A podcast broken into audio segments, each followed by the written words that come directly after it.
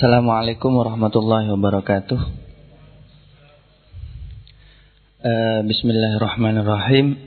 Alhamdulillahi rabbil alamin wassalatu wassalamu ala asyrafil anbiya wal mursalin sayyidina Muhammad wa ala alihi ajmain amma ba'd. Teman-teman yang saya saya hormati uh, khususnya kawan-kawan dari MJS Alhamdulillah bisa kesekian kalinya silaturahim ke masjid progresif ini gitu. ya uh, walaupun dalam situasi yang agak apa ya agak adem ya tapi moga hati dan pikiran kita tetap hangat gitu saya akan melanjutkan uh, apa kajian ya eh, yang beberapa waktu yang lalu sempat kita introdusir ya dengan dengan apalah sebutan mungkin kajian Al-Qur'an eh, dengan pendekatan materialisme sejarah atau materialisme historis. Eh, singkatnya sebenarnya ada yang bertanya-tanya ya, apa yang dimaksud dengan itu itu. Singkatnya sebenarnya adalah bagaimana kita membaca Al-Quran secara materialis. Cuma tentu dalam e, pertanyaan ini ya, bagaimana kita membaca Al-Quran secara materialis? Tentu kita tidak bisa gegabah. Gitu. Karena Al-Quran itu sendiri bukan realitas yang tunggal. Al-Quran itu bukan teks yang tunggal. Sehingga kita sekali lagi harus menjawab itu dengan kehati-hatian yang luar biasa. Kehati-hatian yang metodologis yang menurut saya gitu ya. Nah, bagaimana caranya adalah kita mesti berfokus pada bagian-bagian di dalam Al-Quran yang berhubungan dengan uh, apa yang mungkin bisa disebut realitas material itu sendiri. Karena dalam Al-Quran banyak sekali ayat-ayat dalam tanda petik misalnya metafisik ini tadi yang dibaca oleh uh, kita tadi itu Allah nurus samawati wal ard misalnya. Matalun nurihi kamishkatin. Itu ayat metafisik. Anda mau baca dengan materialis uh, bisa saja mungkin tapi tidak akan menangkap apa kedalaman ya. Jadi untuk membaca Al-Quran secara materialis tentu harus melihat pada bagian-bagian ya, di mana Al-Quran itu berhubungan sedikit banyak dengan e, realitas material. Yang saya formasi, formulasikan di sini dengan realitas dunia.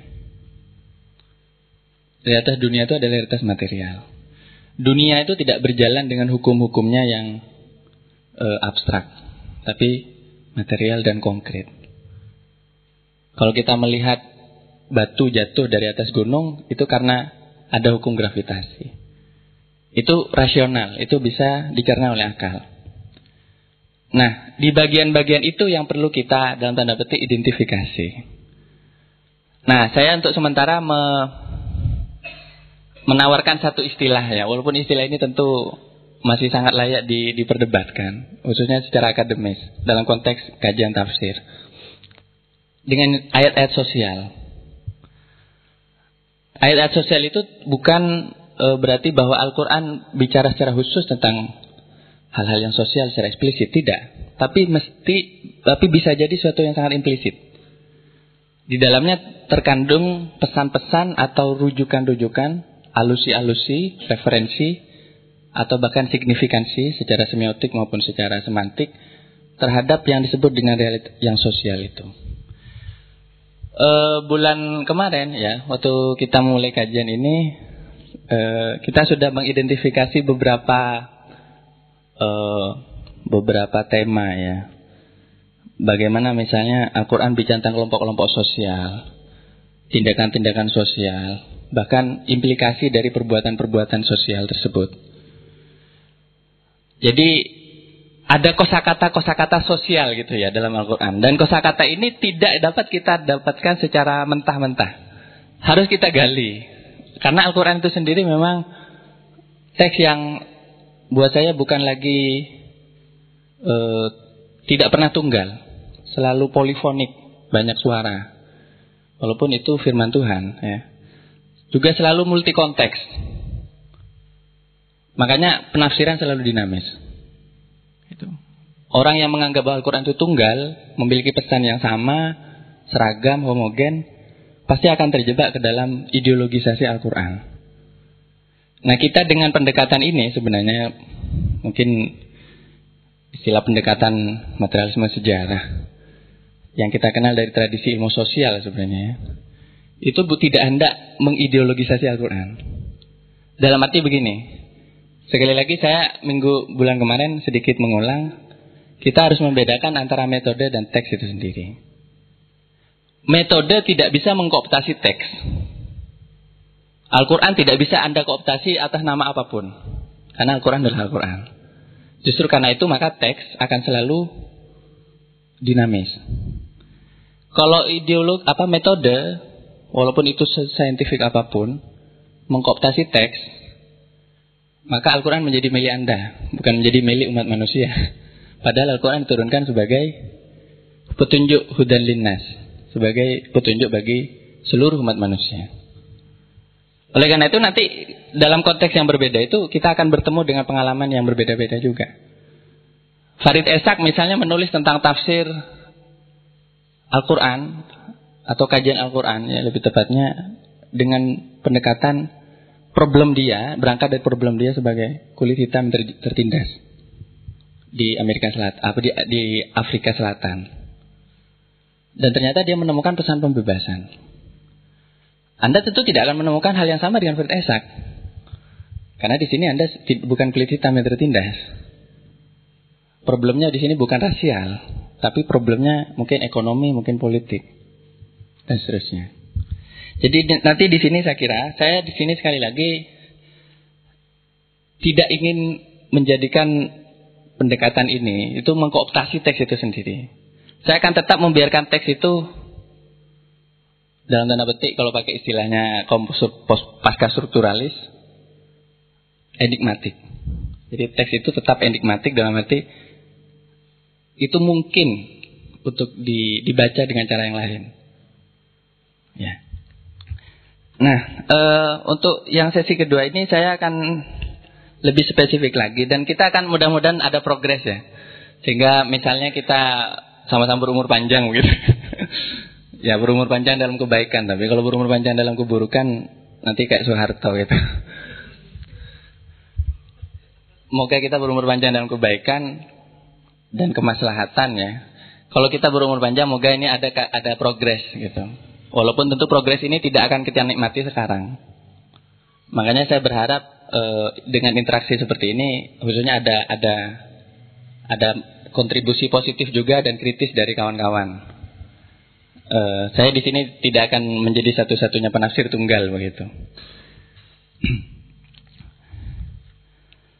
uh, saya akan kali ini kita, kalau kemarin kita membahas sedikit ya mengidentifikasi bagaimana Al-Qur'an itu sebenarnya mengangkat dimensi-dimensi yang sosial ya.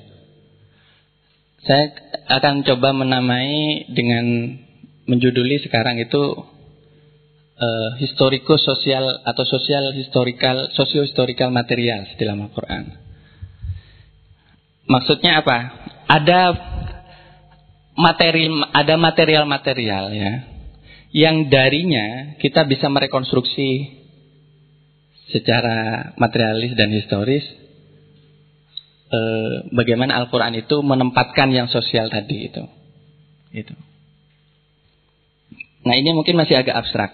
Nah saya akan coba coba kembali ke tesis yang bukan tesis. Kemarin kita sempat sempat membahas ya. Lebih enak sebenarnya kalau di kiri nih papannya. Tapi kalau kalaupun terpaksa di kanan nggak apa-apa. Nggak apa ya, kasih aja ya. Itu biasa.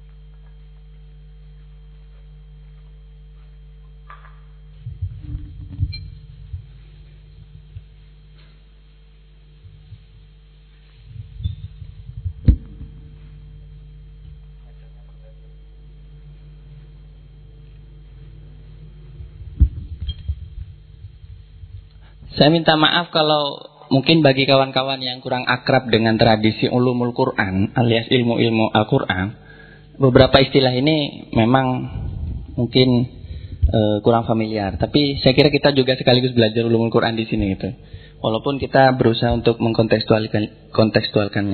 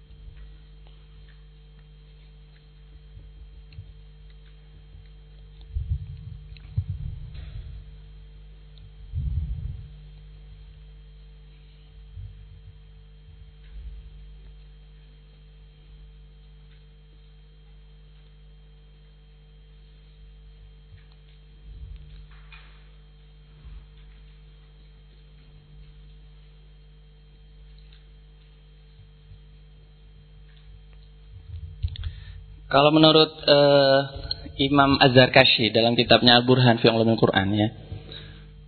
Al-Quran itu beberapa aspek itu mengandung ada dua, dua empat hal ini ya. Pertama amar dan nahi, perintah dan larangan.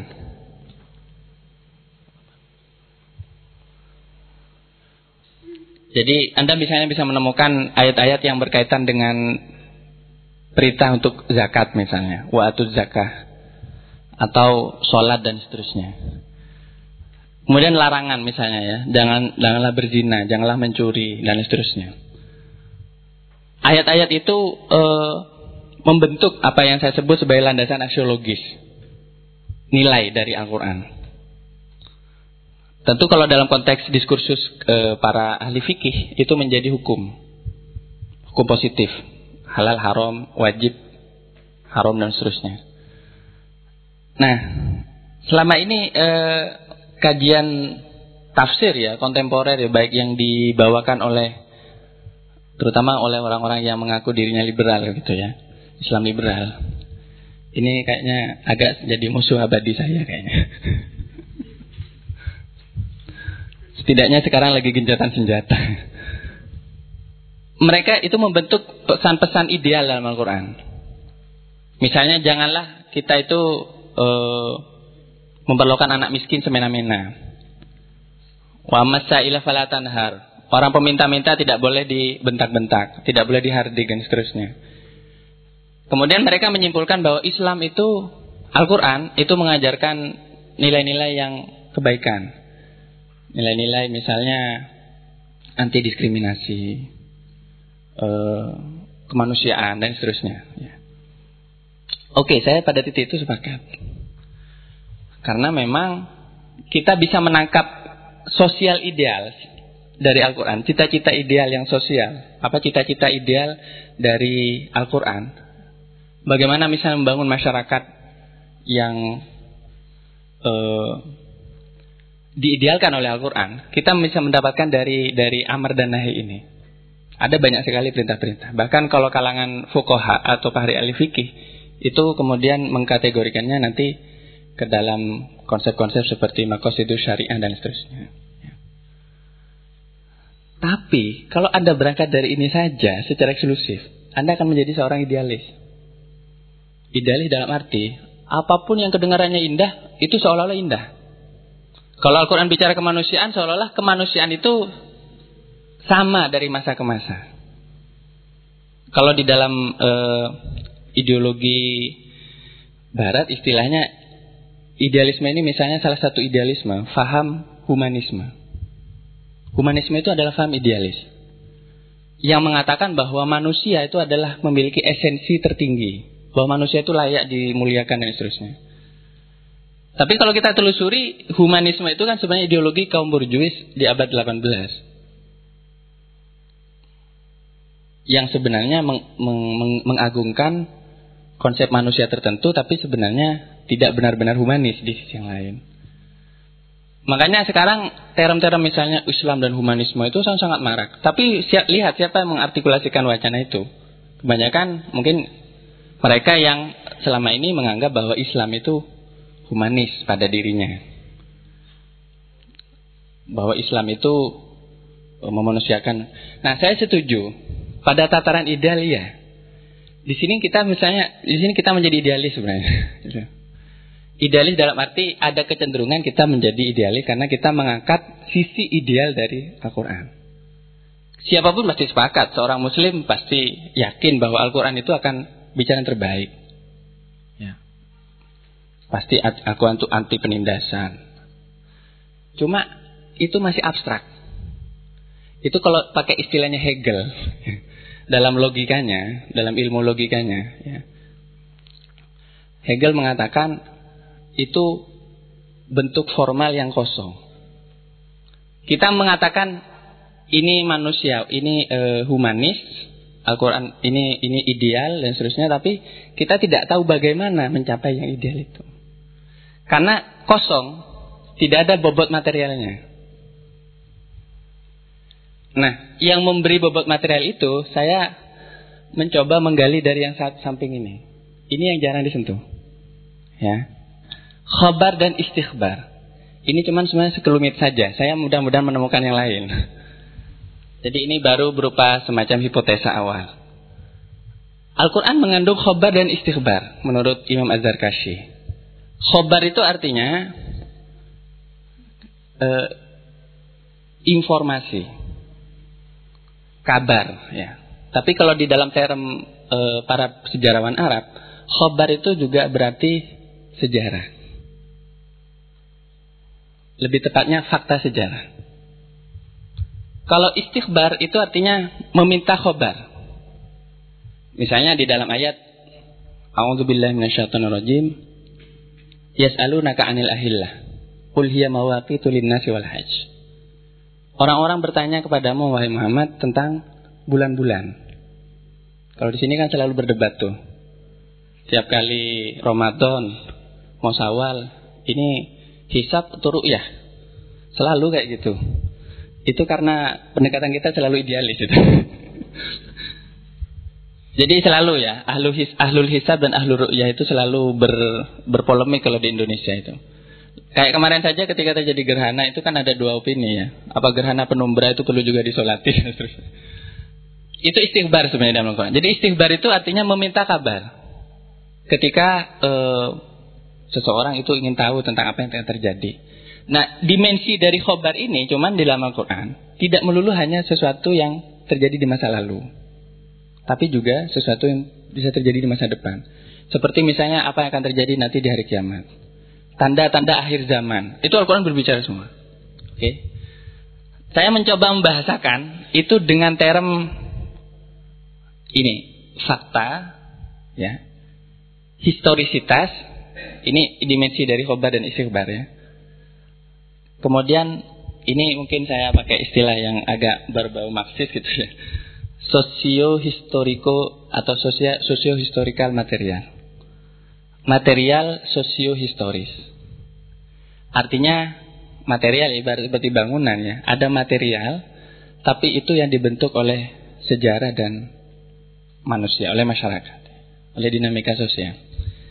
Nah, itu yang akan coba kita gali. Jadi saya sekarang tidak akan bicara pada tataran yang ini. Ya. Nah selama ini keterpusatan kita, bahkan saya kira juga di kalangan orang yang berusaha menafsirkan Al-Quran secara dalam tanda petik secara kiri, ini kritik saya. Mereka tetap terjebak ke dalam idealisme. Al-Quran itu pro pembebasan, Al-Quran itu anti penindasan. Iya, pesan moral aja kan, selesai. Gak ngerti gimana cara mengolah pesan moral itu. Gitu loh. Nah, kita kita tidak tahu ya bagaimana kita meretas kebekuan itu.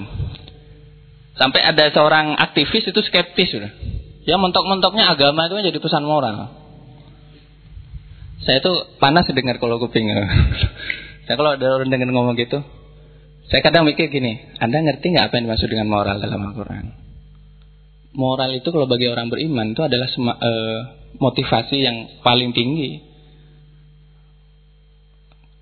bukan motivasi tipu-tipuan gitu ya. Moral itu adalah dimensi atau aksiologis yang paling tinggi itu. Jadi saya bukannya menafikan ini ya sekali lagi.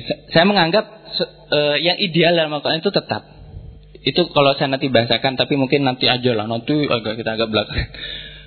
Dengan dimensi utopis dari Al-Quran. Al-Quran itu juga utopis. Tapi utopis yang mesti menyejarah gitu. Ya. Nah, saya akan coba menggali ini. Dan uh, sekarang agak lari dulu ke ke teks yang lain. Ini boleh saya hapus ya. Jadi biar agak Iya. Kali ini kutipannya bukan bukan dari Imam Azhar Kashi, tapi dari teksnya Marx sendiri.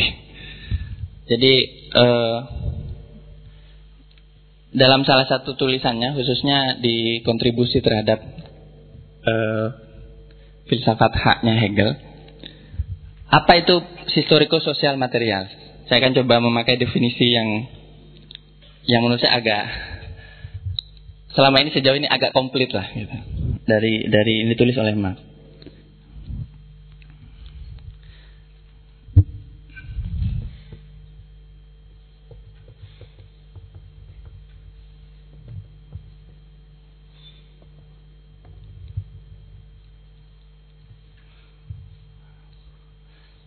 Jadi saya pakai bahasa Inggrisnya saja ya. Jadi ini biar saya tidak sempat uh, apa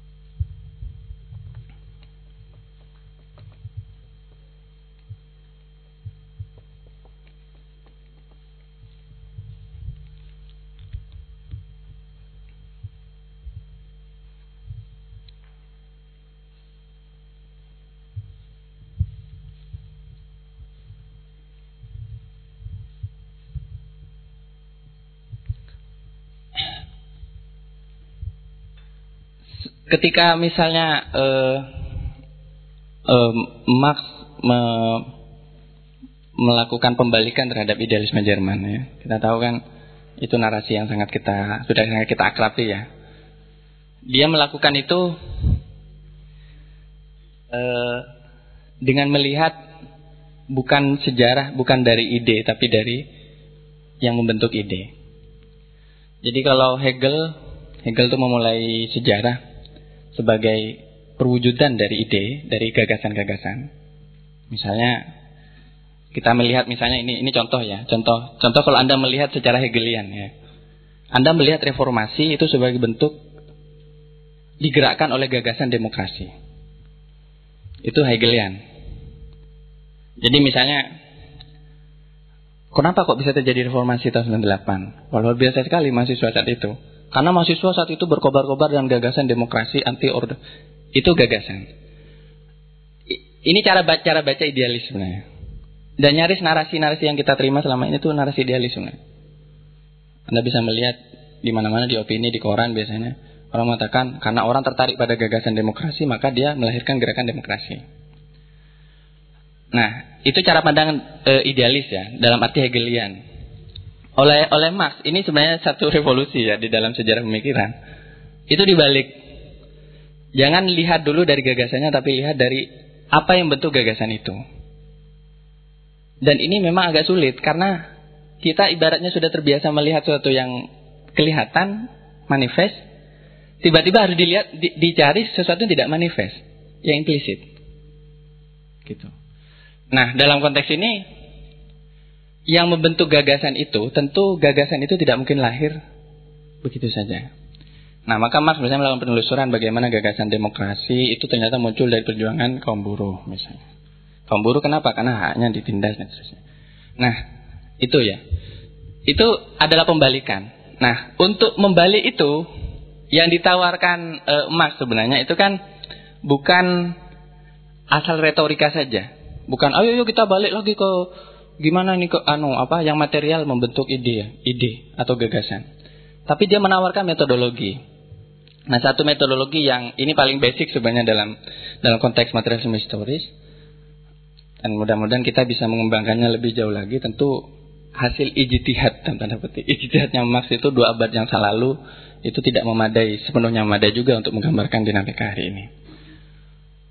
Tapi harus kita lanjutkan gitu dengan cara yang lain. Nah, dia mungkin saya saya menyebutnya dengan socio-historical material, material socio-historis. Dalam arti, apa yang membentuk ide-ide itu adalah yang disebut tadi sosial, dimensi sosial. Nah, tapi dimensi sosial ini masih abstrak. Untuk supaya lebih konkret lagi, dia harus diasumsikan sebagai material yang berhimpun satu sama lain, yang kemudian menggerakkan masyarakat. Nah, ini kalau kita baca di dalam teks tersebut yang saya kutip tadi, setidaknya ada empat pengertian. Apa itu yang disebut dengan material sosiohistoris? Yang pertama, produksi sosial kehidupan. Produ social production of life. Bahwa kehidupan itu, ya, sederhananya begitu ya, itu tidak ada begitu saja. Kita sekarang, ini misalnya Kang Wahid ngasih teh pada saya, ini pasti ada ceritanya ini. Kenapa kok teh bisa nyampe ke sini? Jadi saya bisa jadi ini tehnya ngambil dari mana, beli tadi di mana di Indomaret, Indomaret ngambilnya dari mana, seperti itu. Kehidupan itu, ya, itu adalah produksi. Jangan pahami Anda produksi itu seolah-olah pabrik ya, seolah-olah Anda bikin terus menerus tidak. Maksudnya ada rangkaian produksi di situ. Gitu. Jadi segala sesuatu yang kita nikmati hari ini, termasuk baju yang kita pakai, ini tidak entah tidak antah berantah tiba-tiba ada di, di tangan kita. Tapi ini melalui proses produksi. Nah kalau kita telusuri tentu kan panjang sekali. Saya sampai sekarang masih kepikiran dan mudah-mudahan suatu saat saya bisa bisa mengeksplorasi konsep rezeki. Kita itu kan sekarang orang dapat rezeki, seolah-olah kan itu gimana itu ceritanya? Kok ada rezeki dan seterusnya? Jadi kehidupan itu adalah produktif gitu. Kehidupan itu bernuansa produksi. Oke, itu secara umum ya. Tapi itu sendiri tidak cukup masih. Jadi kalau Anda lihat di sini ya, logikanya itu adalah negasi. Jadi tidak cukup kalau hanya kita berbicara bahwa ini semua adalah diproduksi. Siapa yang memproduksi pertanyaannya? Yang kedua ada namanya relation of production, hubungan-hubungan produksi.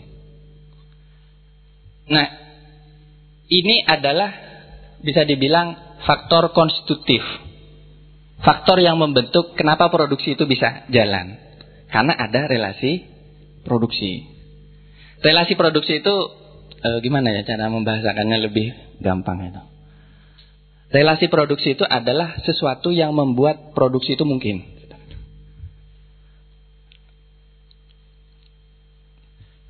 uh,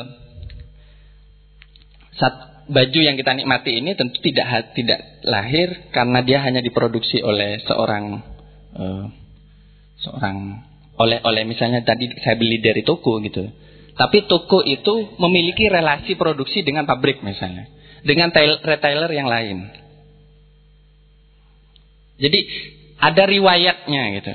Ada riwayat historisnya kenapa sesuatu itu ada dan masuk di dalam kehidupan kita. Nah, itu relasi produksi. Kemudian eh, yang ketiga, pro, relasi produksi itu itu membangun apa?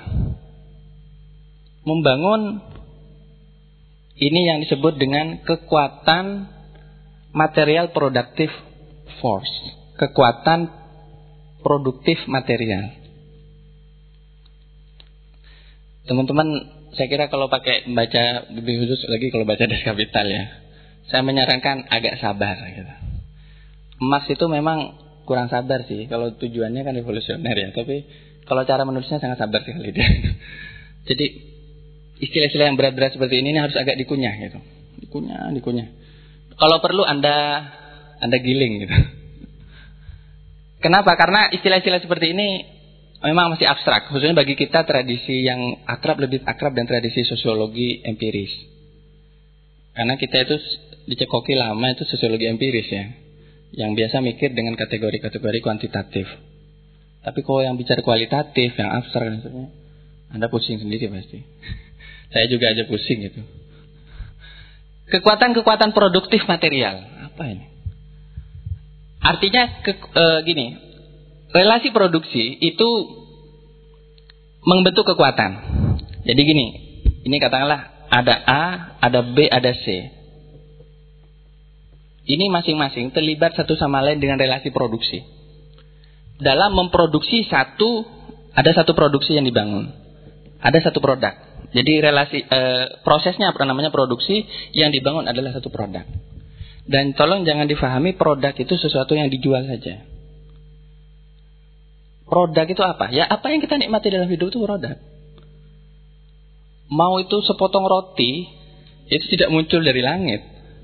Dia melalui proses yang yang tadi itu ada produktif, ada dan relasi produksi ini ya mengakibatkan ya dalam perkembangannya kemudian satu sama lain ini tidak saling setara. Ya. Jadi kalau yang awalnya ini makanya di dalam konteks sejarah uh, yang sebenarnya memformalisasi ini angels ya. Tapi menurut saya angels itu kadang kadang terlalu kaku mekanis. Angels itu kalau kritik saya ya, nggak tahu kalau kawan-kawan lain punya pandangan berbeda. Itu menurut saya kadang terlalu memformalisasi beberapa aspek yang ada di dalam Marx. Sehingga kadang Marx itu lalu dibaca menjadi sangat rigid. Dalam masyarakat primitif misalnya, itu ditemukan relasi produksinya awalnya tidak meng, relasi produksi saja, relasional. Tidak ada kekuatan satu kekuatan produktif tertentu karena relasi produksi ini berjalan dalam tanda petik secara alamiah.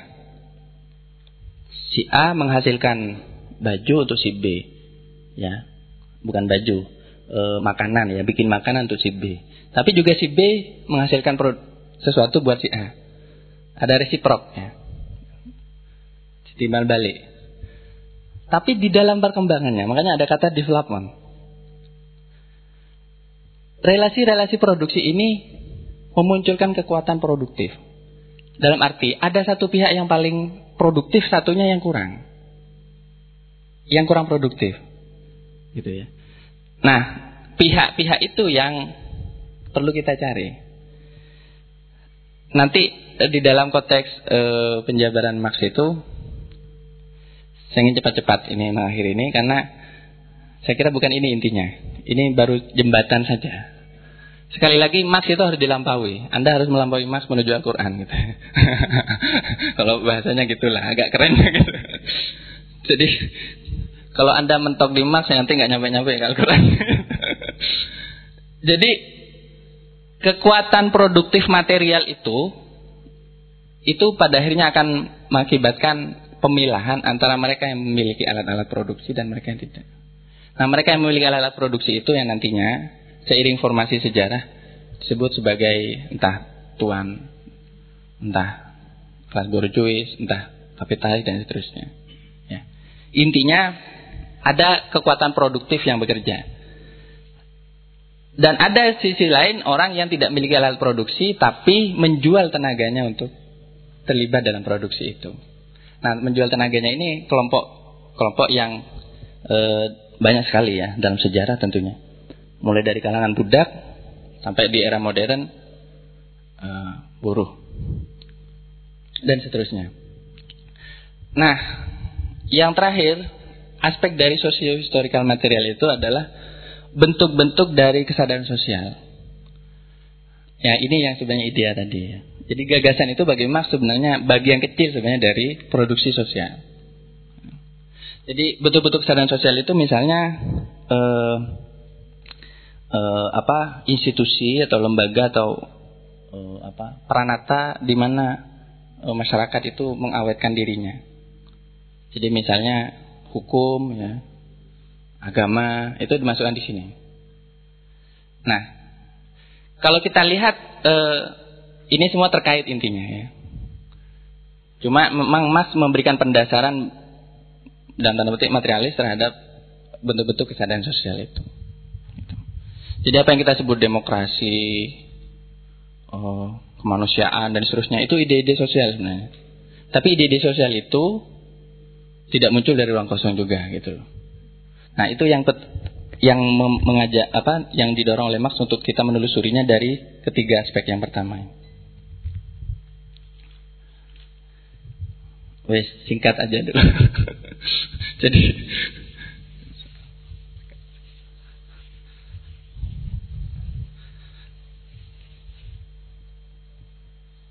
Nah, saya eh, apa melihat bahwa sebenarnya e, dari segi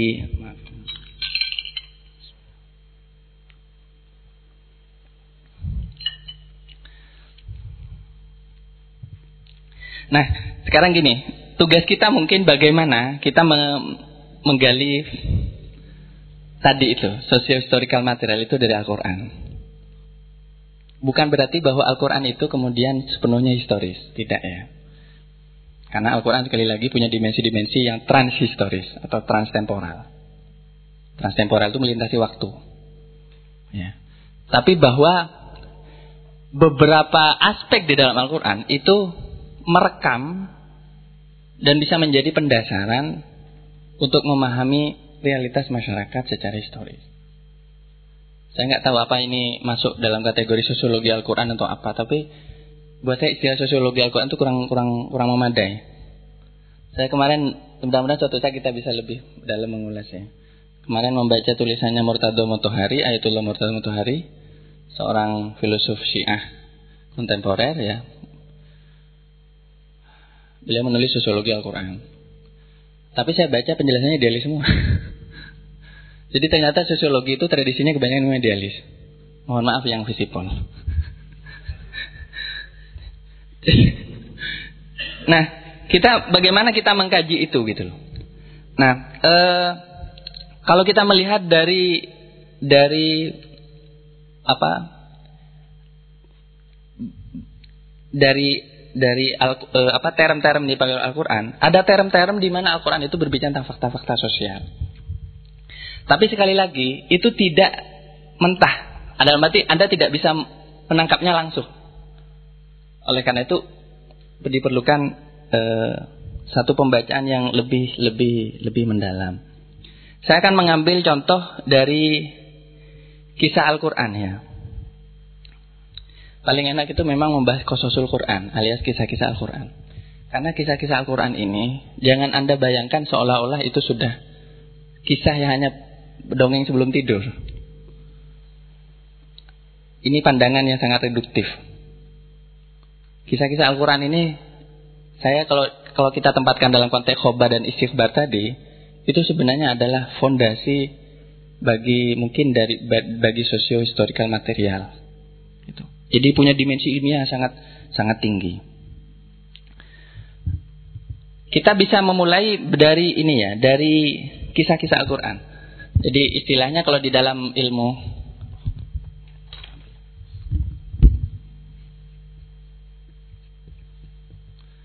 ada seorang uh, perdebatan akademik di kalangan para ahli tafsir tentang kisah-kisah Al-Quran itu sangat sangat keras juga sebenarnya.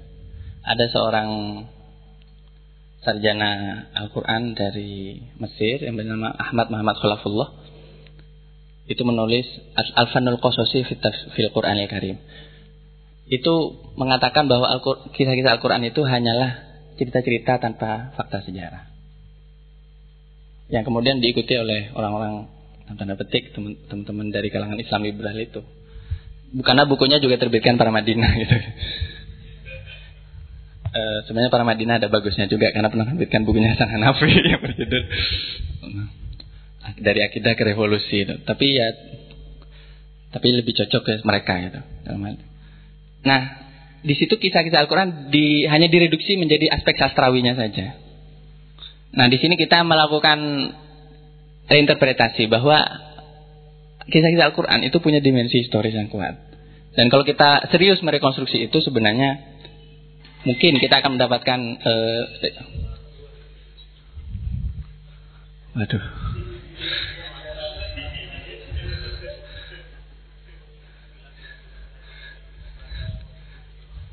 Ini kayaknya ada yang mau shock terapi buat saya.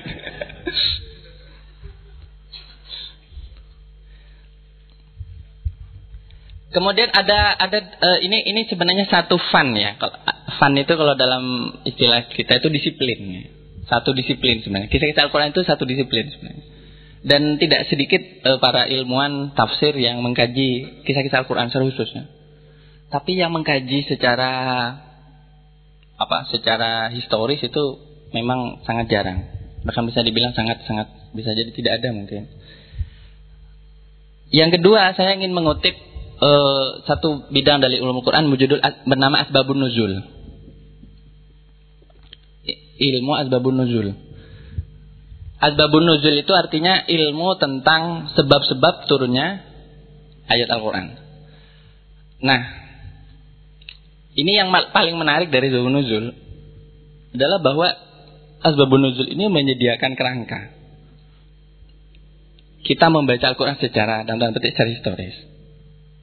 Karena Al-Quran tidak lepas dari kalau istilahnya eh, apa? Istilahnya Imam Asyuyuti ya asbabun nuzul itu adalah manuzilat al ayatu ayyama wuku'ihi. Faktor-faktor atau latar belakang bukan faktor ya penyebab atau latar belakang di saat turunnya Al-Quran jadi pas di saat turunnya. Jadi sangat sangat aktual sekali sebenarnya. Aktual dalam arti jadi kejadian itu muncul selang beberapa saat kemudian hanya sedetik mungkin berapa jam atau mungkin berapa hari langsung turun ayat Al-Qur'an. Jadi memang tidak terpisahkan dari asbabun nuzul. Saya kira ini bisa jadi ilmu yang sangat ampuh ya untuk membaca pilkada Jakarta. Karena kemarin banyak polemik Gimana hukumnya memilih pemimpin yang kafir dan kafir? Anda harus baca Tuhun Nuzul dulu. Kenapa kok dalam Al-Quran dilarang memilih pemimpin yang kafir? Karena kalau Anda tidak membaca itu Anda akan ahistoris.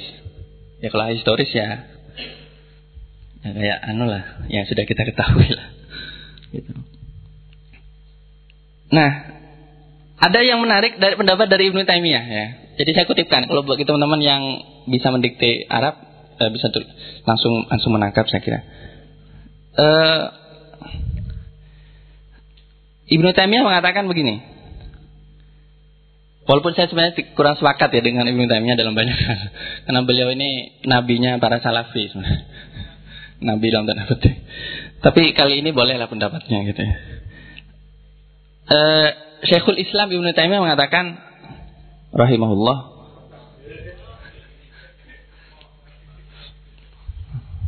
Untung nggak nggak takbir, kalau takbir Allah Akbar. Jangan, ini orang alim ya, jangan. Ya. Ma'rifatu sababin nuzul yu'ayinu ala fahmil ayah. Fa innal ilmah bisabab yurithul ilma bil musabbab. Ini redaksi Arabnya. Mengetahui sebab turunnya ayat Al-Quran itu dapat membantu pemahaman kita terhadap satu ayat. Ya. Karena mengetahui sebab bisa mengakibatkan kita mengetahui akibat. Jadi di sini Ibnu Taimiyah e, menyatakan ada hubungan logis ya antara as-sabab dan al-musabbab.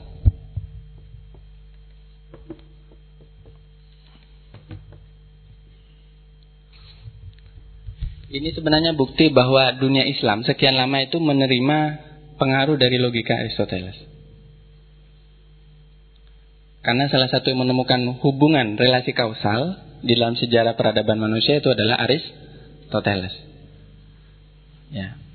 Tentu di dalam Al-Quran juga dinyatakan masalah sebab dan sebab. Tapi ini Ibnu Taimiyah kan Ibnu Taimiyah kita kenal seorang tokoh yang sangat anti filsafat, bahkan anti ilmu logika. Dia mengatakan logika itu bahaya bagi umat Islam. Tapi ini bukti bahwa Ibnu Taimiyah ternyata juga seorang logikawan, ahli ilmu. Asbab dan musabab, faktor dan e, sebab, faktor dan akibat atau dampak. Sebab dan akibat. Gitu. Nah, ini secara sederhana mungkin saya menyebutnya dengan relasi kausal.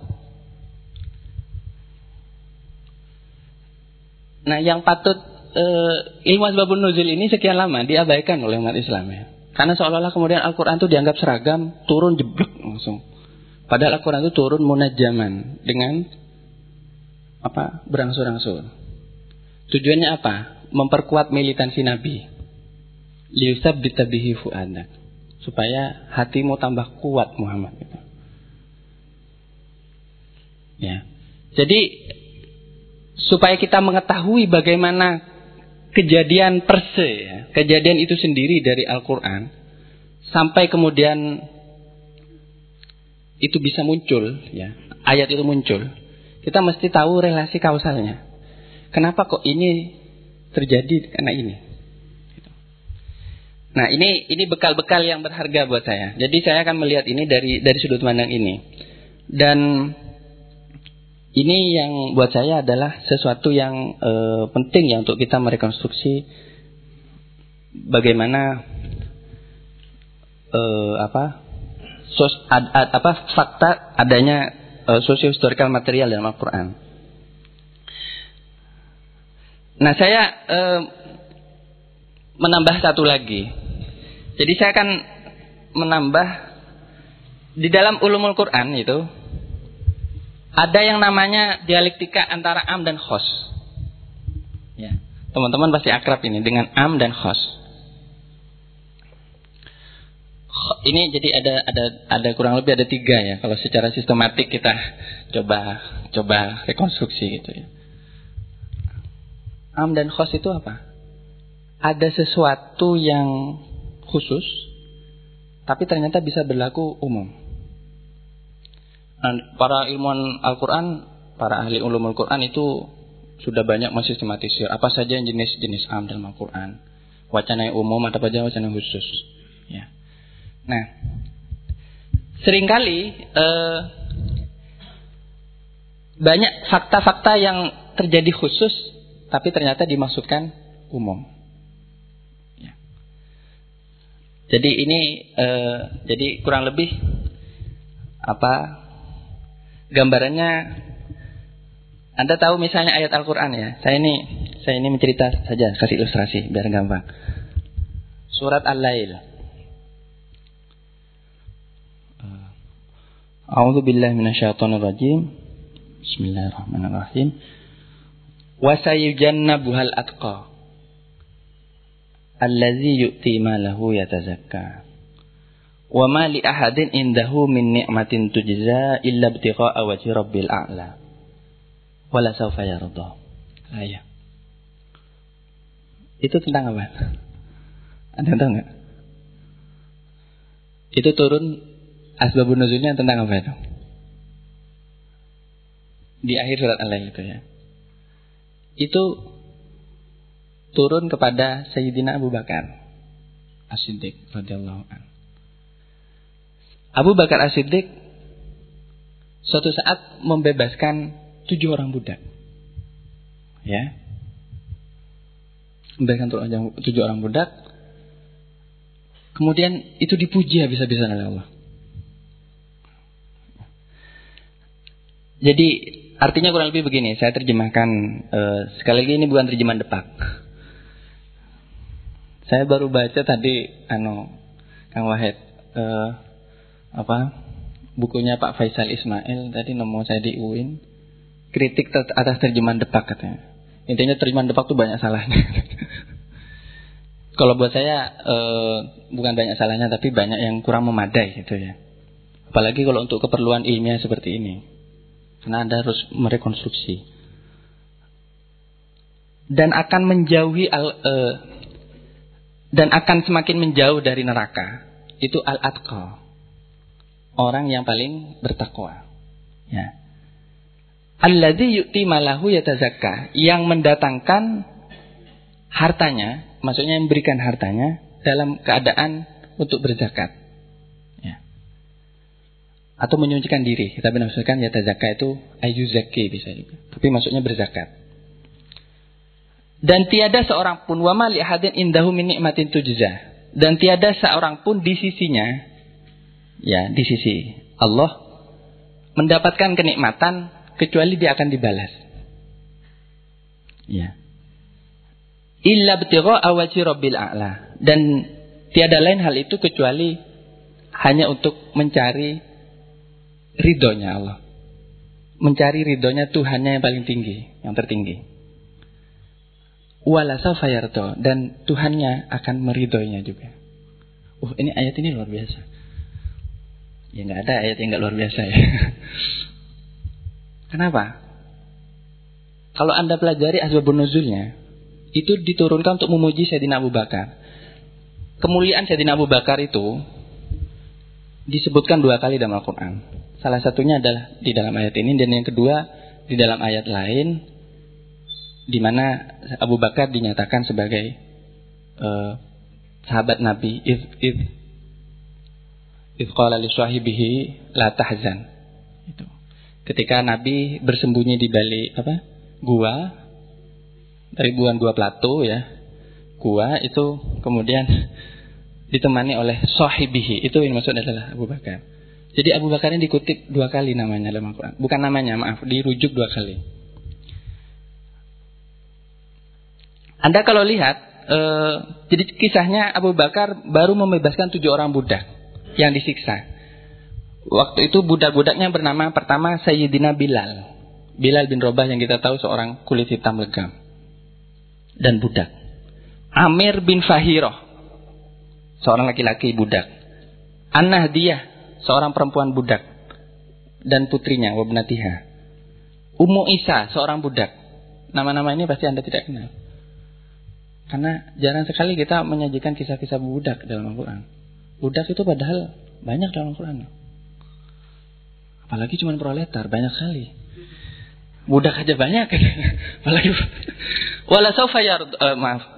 Um, uh, budaknya Bani Al-Mau'il.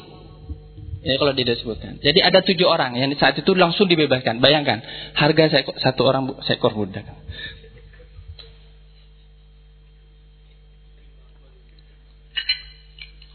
Harga satu orang budak di dalam peradaban jahiliyah seperti itu itu mahal sekali. Mahal sekali. Sampai waktu itu Sayyidina Abu Bakar bayangkan langsung tujuh dibebaskan. Tujuh ini berapa ribu dolar kalau sekarang. Sampai hartanya Sayyidina Abu Bakar itu habis. Sampai ditegur oleh bapaknya. Habis ini kamu ngapain? Hartanya kamu nggak ada sama sekali sudah buat membebasin. Tenang abahku, ayahku. Aku masih memiliki apa harapan bahwa Allah akan memberikan aku rezeki. Gitu. Jadi hartanya semua dihabiskan untuk membebaskan. Bayangkan. Padahal kalau kekayaannya Abu Rizal Bakri ya buat membebaskan 2000 orang dari sekolah apa bisa saja. Nah, misalnya bebas gratis sekolah sampai kiamat gitu. nah, kita tahu ini khos ya. Pada aspek nuzulnya, turunnya itu adalah khos. Khos dalam arti khusus bagi Sayyidina Abu Bakar. Oleh karena itu julukan Al-Atqa, orang yang paling bertakwa itu maksudnya Sayyidina Abu Bakar. Tapi eh, bagaimana kita menariknya kepada yang am, pada yang umum? Nah, ini mungkin ya karena kalau kita memiliki ciri-ciri yang yang tadi disebutkan, menzakatkan, memberikan hartanya dan seterusnya, maka kita masuk pada dimensi yang am. Nah, ini yang mungkin akan saya coba apa? Coba rekonstruksi ya. Jadi dari sini saya kira ini perangkat yang mungkin mudah-mudahan cukup efektif ya, cukup ampuh ya untuk melihat bagaimana uh, socio-historical material itu bisa digali.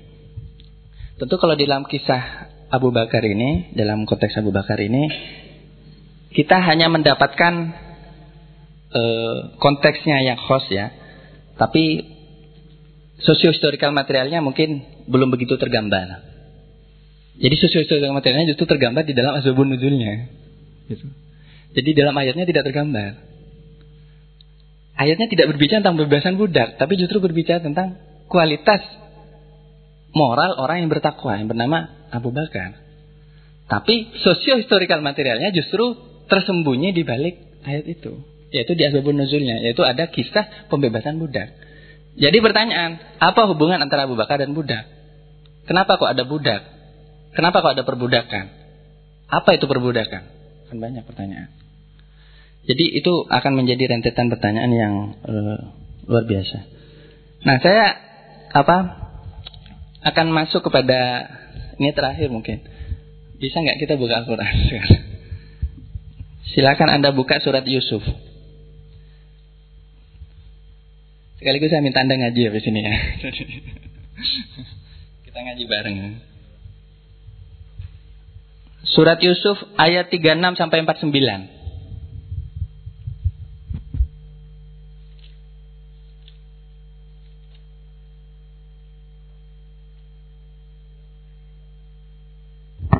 Ayat 36 sampai 49 ya. Surat Yusuf surat nomor 12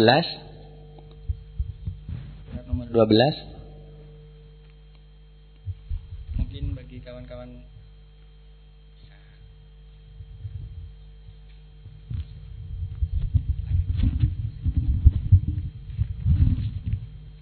Ada yang mau mencoba bacanya biar dari Putri ada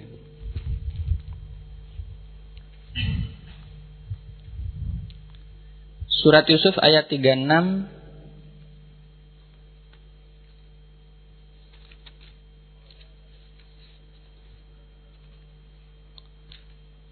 ayat 36 sampai 49.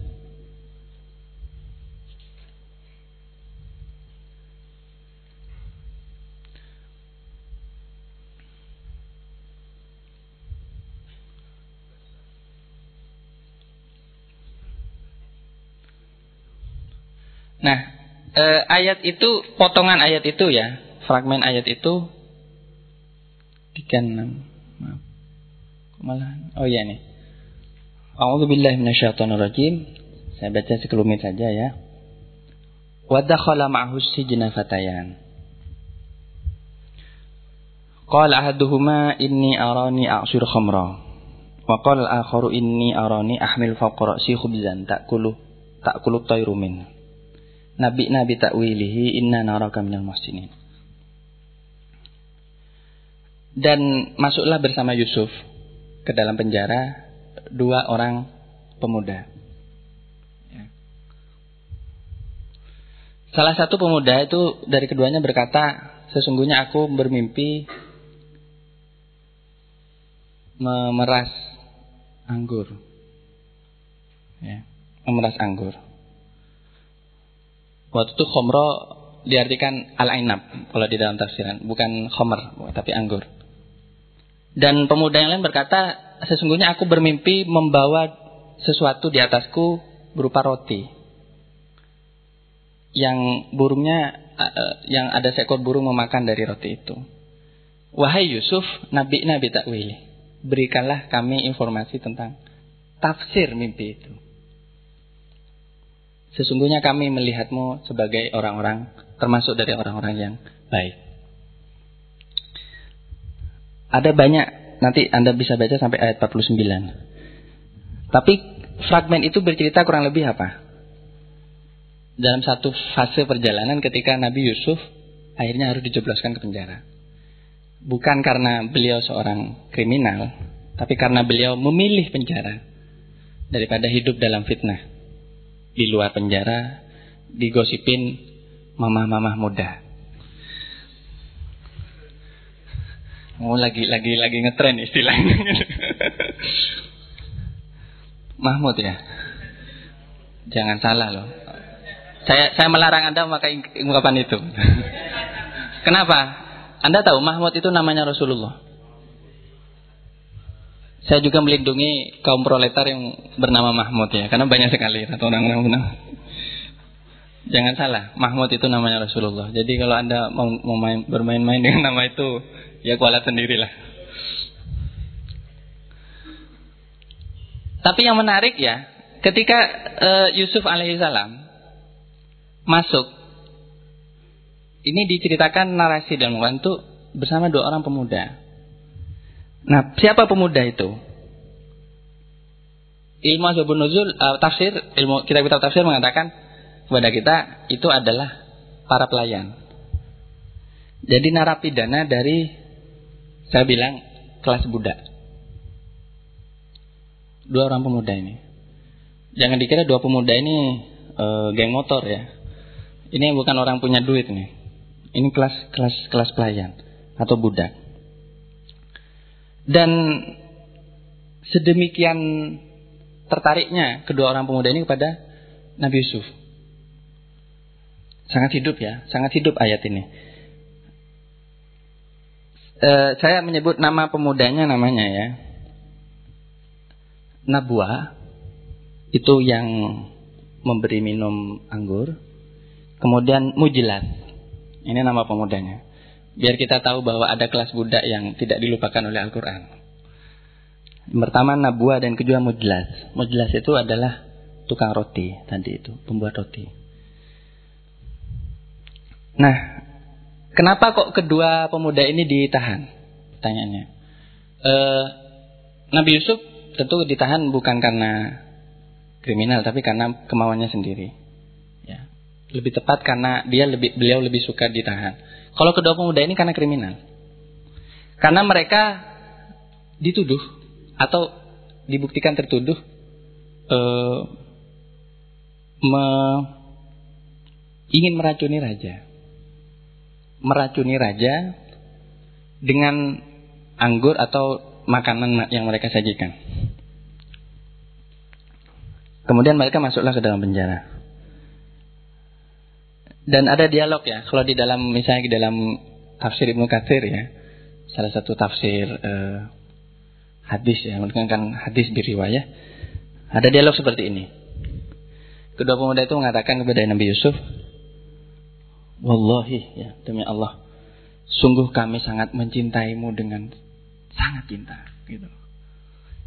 Ini kalau orang lagi rame LGBT pasti mikirnya, wah ini pemuda ini pasti LGBT nih. Tapi tapi Nabi Yusuf mengelak ya.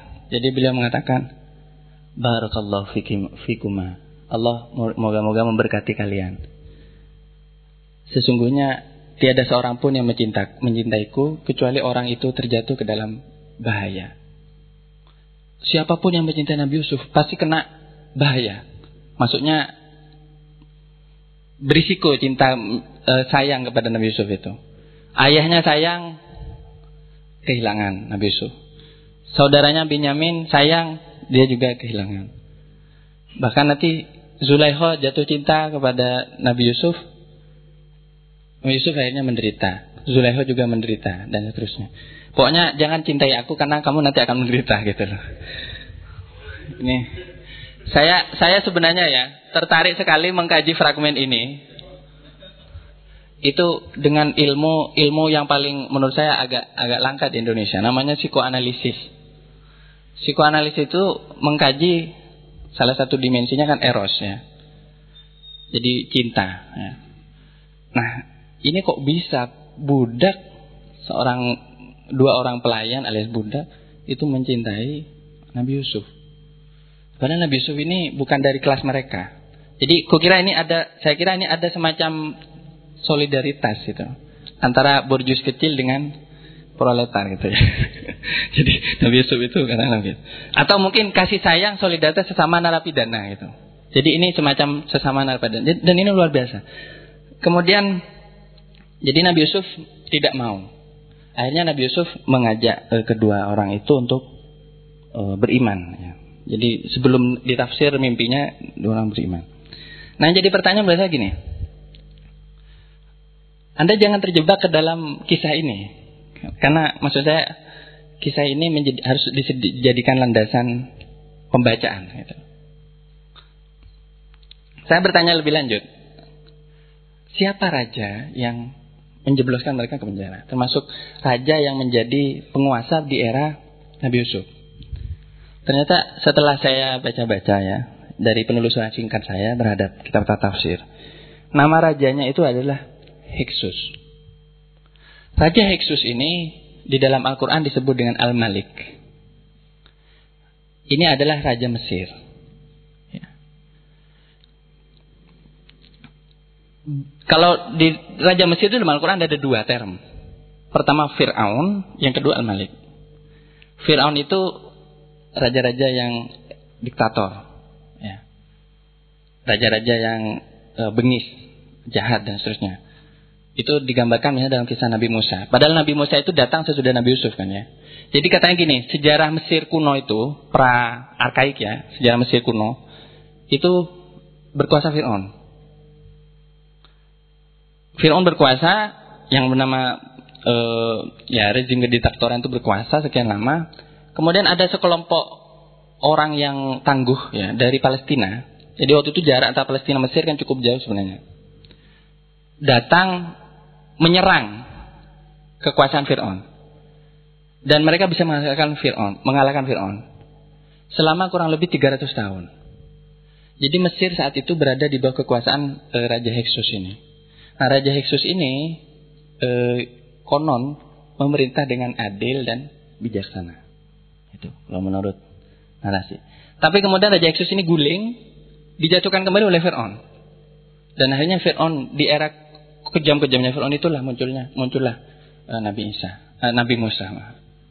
Nabi Musa itu kan beberapa keturunan ratusan tahun setelah Nabi Yusuf. Ya, jadi kurang lebih seperti itu. Nama rajanya itu adalah Ar-Rayyan Ibnul Walid. Dengan perdana menterinya, perdana menteri, suaminya Zulaikha itu yang e, menggoda Yusuf, ya Nabi Yusuf alaihissalam, namanya Kitfir. Nah, saya e, apa penasaran. Di sini kita bisa melihat sebenarnya ada relasi yang sangat kompleks ya. Pertama di sini Nabi Yusuf itu masuk tidak dalam masuk ke dalam milieu atau lingkungan sosial yang bebas dari material force. Apa itu material force-nya? Tergambar sekali di sini dalam ayat. Fatayan, dua orang pemuda. Dua orang pemuda ini representasi dari adanya adanya eh, kekuatan produktif. Saya bahas yang tadi.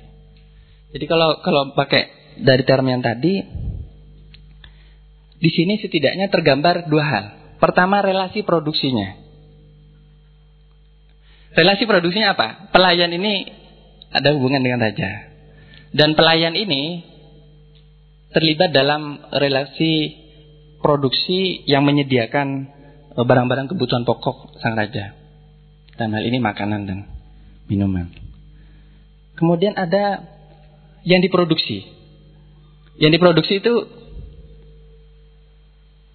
roti dan gandum apa e, anggur. Nah, kita kita jadi bertanya, jenis komoditas seperti apa yang sudah saat itu sudah berkembang? Dan produksi seperti apa yang saat itu sudah berkembang di era Nabi Yusuf itu. Kemudian yang berikutnya eh, apa?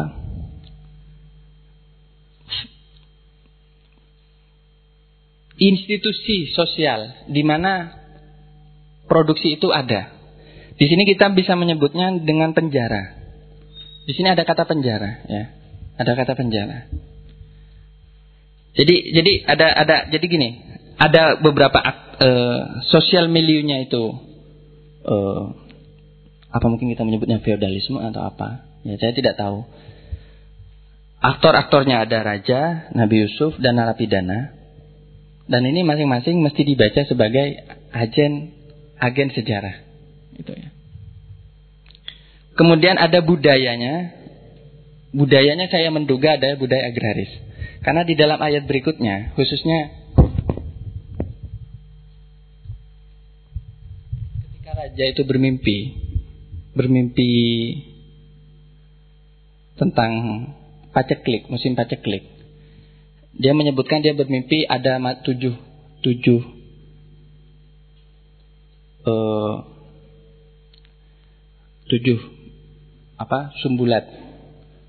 Sab'un sumbulatin wa sab'in khudra wa sab sumbulatin khudrin wa ukhra yabisat. Ada tujuh. Tujuh tanaman yang subur yang hijau ya yang masih ada buahnya dan tujuh yang kering. Nah, ini semua ada kaitan ya. Nah, cuma memang tidak eksplisit sekali lagi. Apa kaitan pelayan ini dengan dengan moda produksi yang saat itu eksis di tengah. Uh, nah, saya saya tidak akan mengatakan bahwa itu hanya berlaku saat itu, tidak. Seorang seorang, uh, seorang ulama, uh, seorang kiai besar bernama Kiai Haji Maimun Zubair, Bahmun panggilannya. Beliau pernah mengatakan, Al-Quran itu penuh dengan eh, apa konotasi-konotasi tentang budaya agraris. Jadi Al-Quran itu katanya sebenarnya mengadres ya orang Indonesia katanya. Ini jadi saya nggak tahu apa gimana justifikasi dari Mbah Mun berkata beliau satu pernah pernah pernah dalam sebuah ceramah itu ya mengatakan Al-Quran ini sebenarnya diturunkan untuk orang Indonesia. Gitu. Saya nggak tahu ini agak-agak saufinis sebenarnya. Tapi kalau melihat, Anda bisa melihat ungkapan-ungkapan sebenarnya ungkapan-ungkapan tentang pertanian, tentang azuro, tentang para petani. Ada dalam Al-Quran azuro para petani. Kemudian al-harth wan nasl misalnya. Al-harth itu tanaman, kemudian an-nasl itu peternakan. Itu semua terem-terem yang jangan Anda anggap itu hanya terjadi di masa lalu. Itu adalah moda produksi yang aktual. Bahwa setidaknya pertama kita melihat ya, pada saat itu ada moda produksi tertentu. Kemudian yang kedua, apakah moda produksi itu masih bertahan? Nah, kalau cara baca Anda seperti itu, maka terem-terem itu menjadi hidup lagi. Jadi di sini kenapa kok ada roti? Coba roti saja Anda tafsirkanlah di sini. Itu luar biasa. Roti di dalam kisahnya Nabi Yusuf ini atau khomer di sini. Khomer itu anggur. Ini ini ini kan menuju pada produknya. Tapi produk itu sebenarnya merujuk pada sesuatu yang lebih substansial dan itu tidak tidak tidak dieksplisitkan dalam ayat itu, yaitu moda produksinya. Nah, saya melihat bahwa ini yang menarik ya. Memang ayat itu tidak berbicara secara khusus tentang ini. Karena Anda akan pasti akan dicap mungkin bid'ah atau apalah. Kalau mengatakan ayat ini sangat maksis misalnya atau sangat apa. Enggak, Anda jangan gegabah mengatakan seperti itu. Ayat ini tidak berbicara tentang itu kan. Fokus ayat ini sebenarnya adalah bagaimana pesan-pesan tauhid itu masuk bahkan kepada kalangan-kalangan yang paling bawah yaitu kalangan nelayan uh, budak. Dan masuk melalui jalan-jalan yang tidak terduga yaitu penjara dan seterusnya. Sangat dramatis sebenarnya kalau kita melihat ya. Pesan-pesan dakwah. Tapi kita bisa melihat dari sisi yang lain bahwa ayat ini menggambarkan satu kondisi dengan institusi sosial yang cukup lengkap. Ada produk ada aktor yang menjalankan produk itu yang saya sebut tadi dengan material force itu yang kekuatan material, ada moda produksinya. Nah, bagaimana kita merekonstruksi semua ini ya. Nah, kita mungkin akan mengatakan orang yang membaca fragmen ini akan mengatakan bahwa raja saat itu tidak bermasalah karena raja itu sangat adil. Bahkan nantinya akan raja itu akan memberikan kedudukan kepada Nabi Yusuf. Nabi Yusuf akan menjadi raja kan? Menjadi bukan raja, wazir. Menjadi seorang perdana menteri saat itu. Tapi Anda lihat bagaimana di surat ini saja itu tergambar kelas. Jadi di sini ada kelas-kelas sudah. Ya. Yang paling kentara tentu adalah kenapa kok ada dua, dua, dua orang pelayan melayani makanan untuk seorang raja. Relasi produksi apa yang mengikat keduanya? Nah, kalau Anda mampu membaca itu, maka e, beberapa bagian dari ayat ini itu bisa bisa menjadi bisa menawarkan material yang lebih historis dalam membaca e, mungkin kalau istilah saya relasi produksi dan moda produksi yang yang yang disinggung secara eksplisit atau mungkin diimplisitkan di, disinggung secara implisit di dalam e, ayat tersebut. Artinya gini, orang secara idealis akan mengatakan e, raja ini ya baik-baik saja kok dia buktinya adil. E, dua orang pelayan ini kan memang layak, layak masuk krimin, masuk penjara karena mereka kriminal gitu kan. Sementara Nabi Yusuf juga masuk penjara juga karena di, dianggap bersalah dan seterusnya. Apa yang bermasalah? Toh nanti raja ini juga akhirnya akan menghukum kan. Kan salah satunya nanti akan disalib. Ya, salah satu pelayan itu akan mengalami nasib tragis. Jadi dua orang pelayan ini pada akhirnya akan mengena, meng, apa, mengalami nasib yang berbeda. Salah satunya uh, akan beruntung dan naik promosi, ya, menjadi menjadi asisten dekatnya raja. Satunya akan mati tragis. Nah, kita patut bertanya jenis institusi sosial seperti apa yang berkembang saat itu yang memungkinkan lahirnya aksi, eh, penghukuman seperti itu. Bahkan adanya penyaliban. Jadi hipotesis hipotesisnya siapa? Michel Foucault misalnya mengatakan bahwa penjara itu adalah bentuk penemuan dari peradaban modern. Itu sebenarnya salah. Bukan salah, kurang tepat. Karena penjara itu juga terkait dengan relasi produksi yang ada saat itu. Jadi ini ayat penjara sebenarnya. Nah, di dalam ayat penjara ini ada semacam ada narasi tentang orang yang tertindas, dua orang pelayan itu dan juga Nabi Yusuf, yang Nabi Yusuf yang juga tertindas saat itu sebenarnya. Tapi juga ada narasi di mana orang yang tertindas ini pada akhirnya mendekat pada kekuasaan, menjadi pengga, uh, orang dekatnya Malik, ya raja itu, dan satunya hanya mati tragis di dihukum.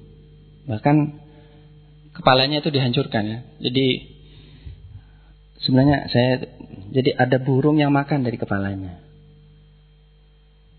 Ini uh, penggambarannya sangat tragis sebenarnya. Jadi dia disalib dalam keadaan remuk ya badannya remuk. Di sisi lain apa ada ada hubungan-hubungan sosial yang yang yang uh, mungkin dialektis ya di antara aktor-aktor itu. Nah, itu yang mungkin uh, kita bisa coba coba baca ya dan uh, itu beberapa hal yang mungkin yang mungkin saya coba coba apa coba uh, interpretasikan sekali lagi ini belum belum tafsir atas fragmen itu gitu tapi bagaimana kita merekonstruksi dari term-term itu jadi walaupun itu bercerita tentang tauhid tentang hal-hal yang yang ideal ya dalam arti pesan-pesan moral dari dari Al-Qur'an, inti-inti dari Al-Qur'an. Tapi term-termnya sangat historiko sosial. Dan itu materialis. Gitu. Itu saja sementara. Kita. Assalamualaikum warahmatullahi wabarakatuh.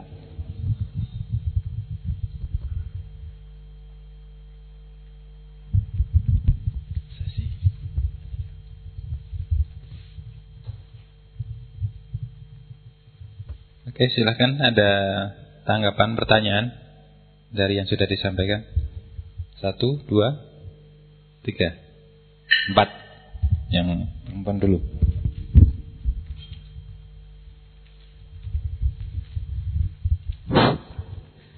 Bismillahirrahmanirrahim. Assalamualaikum warahmatullahi wabarakatuh. Ya, uh, saya ucapkan terima kasih atas kesempatannya. Uh, mungkin di sini saya uh, masih belum mendapatkan gambaran mengenai uh, materialistik yang dimaksudkan uh, Bapak pada kesempatan kali ini. Uh, jika saya tadi melihat uh, penjelasan dari surat Yusuf itu, uh, saya uh, sampai berpikir uh, itu mirip dengan teorinya teori objektifikasi Bapak Kunto Wijoyo. Ya, apakah sama seperti itu mengobjektifikasi teks yang masih bersifat uh, ada makna-makna ter, tersembunyi seperti itu atau bagaimana? Mungkin itu saja dari saya. Terima kasih. Nurlaiha Ibrahim.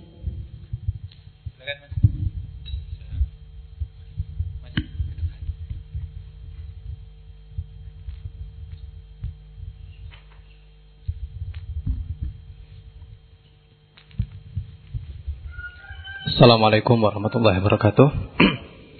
Uh, nama saya Joko Arizal dari Festival UGM. Ya, uh, saya mau bertanya kepada Mas Fayat mengenai tentang uh, sosial materialisme dari Marxisme ini. Uh, kalau kita lihat di dalam sejarah tradisi Marxisme, gagasan-gagasan Marx itu sendiri sudah banyak dikritisi oleh uh, ilmuwan-ilmuwan Marxis mutakhir. Seperti dari tradisi neo-Marxisme, kemudian juga yang terakhir post-Marxisme itu sudah banyak mengkritisi dari deterministiknya Marx dalam aspek ekonomi. Di mana di sini ekonomi sebagai base structure, kemudian yang menentukan superstructure. Uh, bisa ekonomi base structure dan Superstrukturnya bisa budaya, norma, nilai, uh, mungkin keyakinan, kepercayaan, hukum dan lain sebagainya. Tetapi di sini juga bermasalah bagi Marx. Dia melakukan fiksasi atas realitas sosial yang hanya dilihat pada aspek mode of production. Padahal the sosial adalah hal yang termungkin. Dia bukanlah hal yang fix. Bisa saja dalam suatu uh, situasi hal itu berlaku mode of production yang menentukan gerak sejarah. Tetapi dalam situasi waktu tertentu, hal itu mungkin tidak bisa berlaku lagi. Misalnya ketika Margaret Thatcher menang di, di, di Inggris, itu otomatis terjadi perubahan yang sangat signifikan di dalam uh, bagaimana partai buruh di di Inggris kemudian tidak lagi menjadikan kelas buruh menjadi dasar perjuangan tapi persoalan identitas. Nah, di sini saya kira terjadi uh, impossibility of society. Bahwasanya realitas sosial itu tidak fix, tapi dia hal yang termungkin dan dalam proses kemenjadian yang tidak mengenal finalitas. Tetapi di sini saya lihat Mars uh, masih terjebak ataupun kita masih memakai pola Mars yang deterministik dalam dimensi ekonomi. Kemudian yang kedua, uh, di sisi lain kita melihat adanya pertentangan antara Islam dengan Marxisme dalam artian Islam berangkat hal yang sangat idealistik. Mungkin kalau dengan Hegelian saya melihat lebih cocok ya. Kalau saya melihat sisi Hegelian lebih cocok ketimbang dari sisi Marxisme yang menitik beratkan pada sisi materialisme.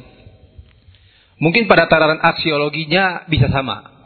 Bagaimana cita-cita Islam itu sendiri dan cita-cita Marxisme bisa sama seperti itu. Kemudian terkait dengan masalah uh, ayat-ayat dalam Al-Quran, ya saya lebih setuju melihat bahwasanya ada pesan-pesan tertentu yang bisa diuniversalkan. Saya lupa ada salah satu kaidah di dalam studi ilmu Al-Quran. Al-ibrah bi umumil lafaz la bi khususis sabab. Artinya uh, dimensi pelajarannya itu ada pada keumuman lafaz, bukan pada dimensi uh, sebab musababnya. Demikian, terima kasih.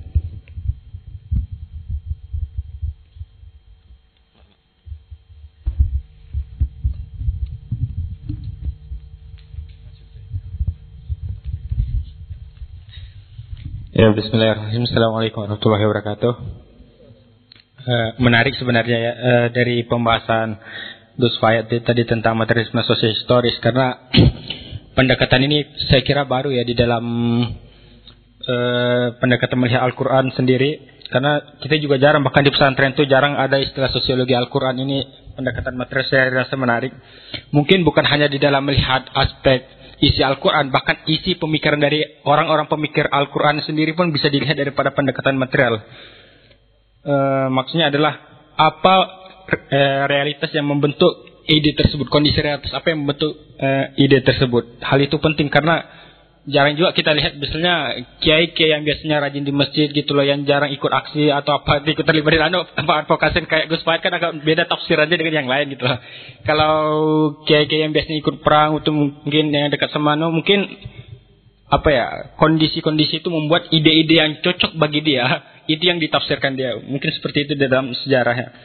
Uh, bagi saya pribadi sih sebenarnya ini nggak maksis maksis banget karena ada hal yang paling dilupakan yaitu tentang dialektikanya. Bagaimana menempatkan dialektika di dalam pemahaman. Kalau kita mengangkatkan marxisme harusnya marxisme dialektik itu harus ada terus sebenarnya. Karena materi itu nggak diam, tidak mekanik terus sebenarnya. Materi itu bergerak dan hal yang menarik sih sebenarnya tentang ada salah satu hukum dialektika yaitu sekaligus eh, menambahkan bung tadi tentang hukum perubahan kuantitas menuju kualitas. Walaupun perubahan kuantitas atau negasi berubah menjadi negasi baru, tapi ada hal yang tidak berubah, uh, bisa saja yang bertahan yaitu kualitas-kualitas itu sifat-sifat daripada kuantitas tersebut.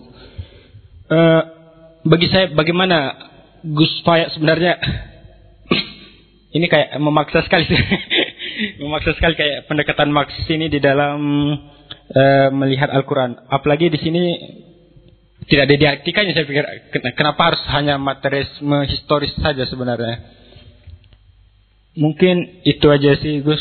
Oh iya terakhir bagaimana sih apa karena tidak semua rasanya ya uh, melihat Al-Quran dengan pendekatan material Gus. Karena ada hal-hal yang kayak berkaitan dengan akidah itu gimana kondisi yang bersifatnya umum gitu dan sepanjang zaman atau berbicara tentang hari kiamat kan nggak mungkin dilihat dari sisi material. Mungkin ada penjelasan yang lain Assalamualaikum warahmatullahi wabarakatuh.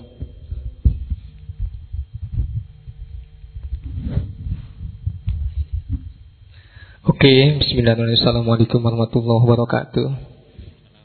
Uh, saya ketemu Bung Payad sudah tiga kali, tetapi forum kajian Al-Quran baru malam ini. Uh, jadi saya ketinggalan otomatis. Uh, Makanya pertanyaan saya, pertanyaan yang sangat fundamental saya kira. Apa alasan uh, yang paling substansi kenapa Bung Payat ingin uh, meng, uh, semangat me, menggunakan pendekatan materialis, materialisme historis uh, untuk menstudi al, menstudi Al-Qur'an? Perlu diketahui oleh Bung Payat Iya, memang memang penting karena studi Al-Qur'an dengan pendekatan uh, materialisme historis ini kan harus menggunakan tiga unsur. Nah, unsur yang pertama tentu harus menggunakan rasio, pikiran. Unsur yang kedua adalah menggunakan hati. Unsur yang ketiga adalah kita harus menggunakan perasaan. Jadi tiga unsur harus digunakan untuk menstudi ini. Uh, itu ya Bung Payat. Lalu kemudian kedua adalah uh, saya ketemu kemarin baru ya bulan yang lalu mungkin bersama uh, Pamun Insiri Kebetulan saya moderator, beliau di samping saya dan berbicara uh, apa namanya panjang lebar. Beliau juga sedang konsen di uh, historical history Al-Qur'an. Kebetulan juga uh, beliau kan konsennya di wilayah membandingkan Al-Qur'an dan Bible. Jadi jadi Al-Qur'an itu histori dalam Al-Quran dan histori di dalam Bible itu memang sedang di sedang diseriusi oleh uh, namanya Pak Mun Insiri itu. Tetapi dalam hal ini Bung Payat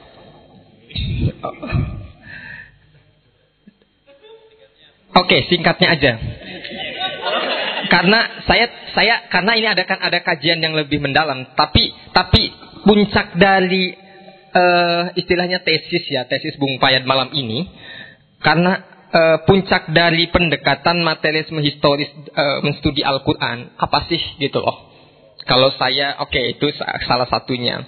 Uh, tetapi ada isu-isu yang lain ngomong soal Al-Quran misalkan kemarin itu di statementnya Pak siapa, Dr. Sahiron misalkan hmm, mengutip tentang siapa itu uh, Angelina Knowell. Oh, sorry namanya siapa itulah. Tapi yang pasti Al-Quran, ya, dia itu statementnya agak, ya, tapi Bung Pai saya kira sudah paham. Saya itu agak ini loh, ini kan agak agak memang rawan dan sensitif berbicara statement-statement apa saya, saya tidak tahu ini justice atau apa namanya. Karena Angelina Knowell mengatakan bahwa Al-Quran itu adalah imitasi loh ya. Al-Quran itu adalah bentuk dari imitasi dari Bible. Lalu kemudian ada lagi namanya dari uh, Kairo itu siapa namanya? Uh, satu lagi. Uh, Al-Quran. Dia meng, eh, statementnya aja lah. Dia mengatakan Al-Quran Al-Quran adalah sebuah produk budaya. Uh, Bung Payat saya kira bisa merespon itu. Saya kira terima kasih atas waktunya. Assalamualaikum warahmatullahi wabarakatuh.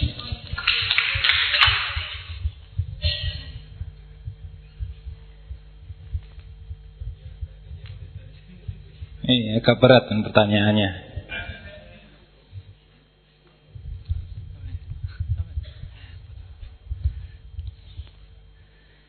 Oke, okay, uh, eh, sekali lagi saya sangat sangat senang karena ada beberapa apa beberapa mungkin ada beberapa titik temu ya dari apa uh, secara metodologis ya. Pertama mungkin saya akan jawab dulu soal tujuan ya, kenapa membaca. Ya tujuannya membaca Al-Quran secara materialis. Sebenarnya gini, tujuan kalau tadi ditanya tujuan puncaknya gitu. Ini belum belum ke puncak mas, masih mendaki.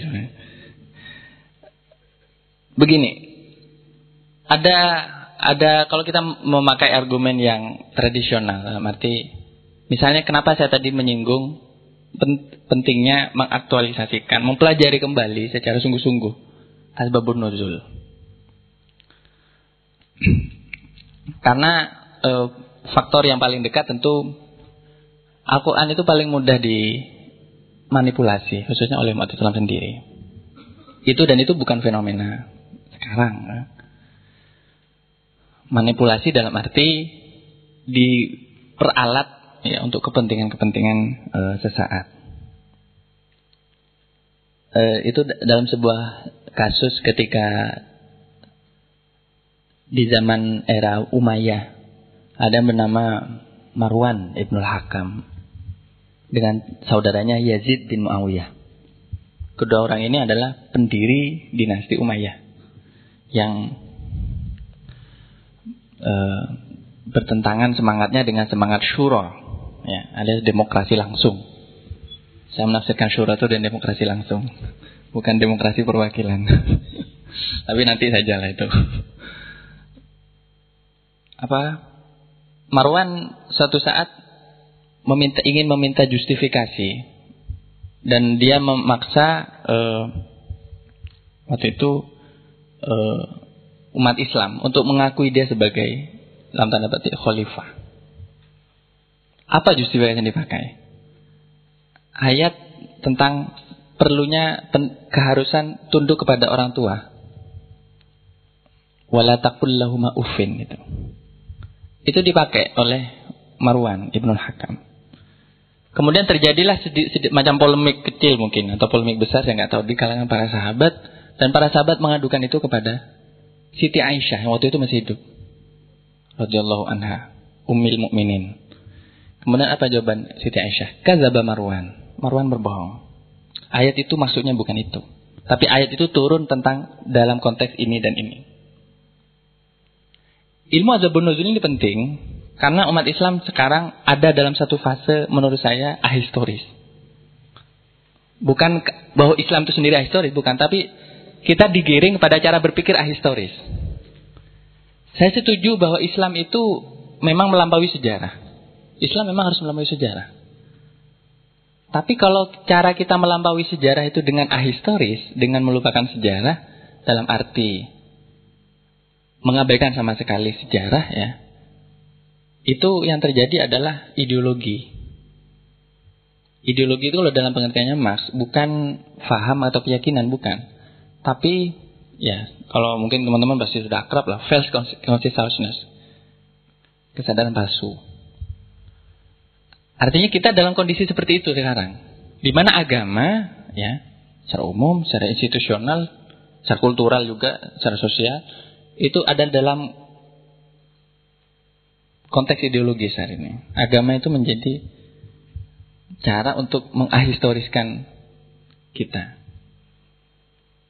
Nah, cara untuk supaya kita kembali dalam satu seperti memahami agama itu dengan membumi lagi, itu memang sulit kalau kita hanya ber, berseru secara moral. Dan seruan ini sayangnya justru di, di sering kali dinyatakan oleh mereka yang mengagung-agungkan nilai-nilai universal Islam. Mari kita membumikan Al-Quran. Membumikan ini. Saya misalnya membaca ini semacam kritik kecil saya. Walaupun saya respect kepada integritas keimanan beliau. Bapak Quraisy Shihab, Muhammad Quraisy Shihab. Pak Quraisy ini kan kita kenal sebagai seorang mufasir. Dan saya juga belajar banyak sama beliau. Dalam arti saya membaca karya beliau ya. Tapi eh, misalnya dalam bukunya Bumi Al-Quran ya, itu tidak ada pembacaan materialis. Jadi Al-Quran itu dibumikan, kalau dalam konteks kebanyakan e, mungkin mufasir, dalam mufasir kontemporer, maksudnya Al-Quran dibumikan pesan-pesan moralnya. Kembali lagi ke tadi ke sosial ideal. Kalau itu masih sepakat. Dan saya kira kita sepakat semua kalau soal itu. Islam itu agama kemanusiaan, oke. Okay. Tapi kemanusiaan seperti apa gitu loh itu. Itu yang yang yang rasanya kekosongan itu yang mungkin ya. Eh, nggak tahu ini sejarah pertemuannya kenapa kok tiba-tiba waktu itu saya agak agak mulai masuk pada studi Al-Qur'an. Sehingga saya konteksnya waktu itu untuk eh, apa? mengkaji kembali eh, beberapa apa kisah-kisah ya dalam Al-Quran itu. Kemudian yang kedua waktu itu uh, kalau nggak salah saya pernah mengundang seorang penulis uh, teolog Protestan dari Yogyakarta bernama Pak Profesor Singgih. Waktu itu dia juga membaca Bible ya, tapi untuk mencari apa pesan-pesan pembebasannya begitulah semacam itu. Ada banyak banyak faktor sebenarnya, tapi sejak awal sebenarnya saya berpikir beberapa bulan yang silam ya, saya berpikir kenapa kok kita selama ini agak agak anu ya, tidak tidak pernah berpikir bahwa Al-Quran itu sendiri sebenarnya menyediakan kerangka. Bukan berarti saya bukan berarti di ini sedang memaksiskan Al-Quran tidak ya. Al-Quran saya sekali lagi saya bilang sejak awal posisi teoritis saya secara metodologis adalah metode harus dipisahkan dari teks. Ini metode atau mungkin ini semacam pendekatan metodis, metodis saja atau prametodis mungkin. Teks-teks ya. Kekayaan Al-Quran itu tidak akan bisa dihabiskan oleh teks itu, oleh oleh metode itu.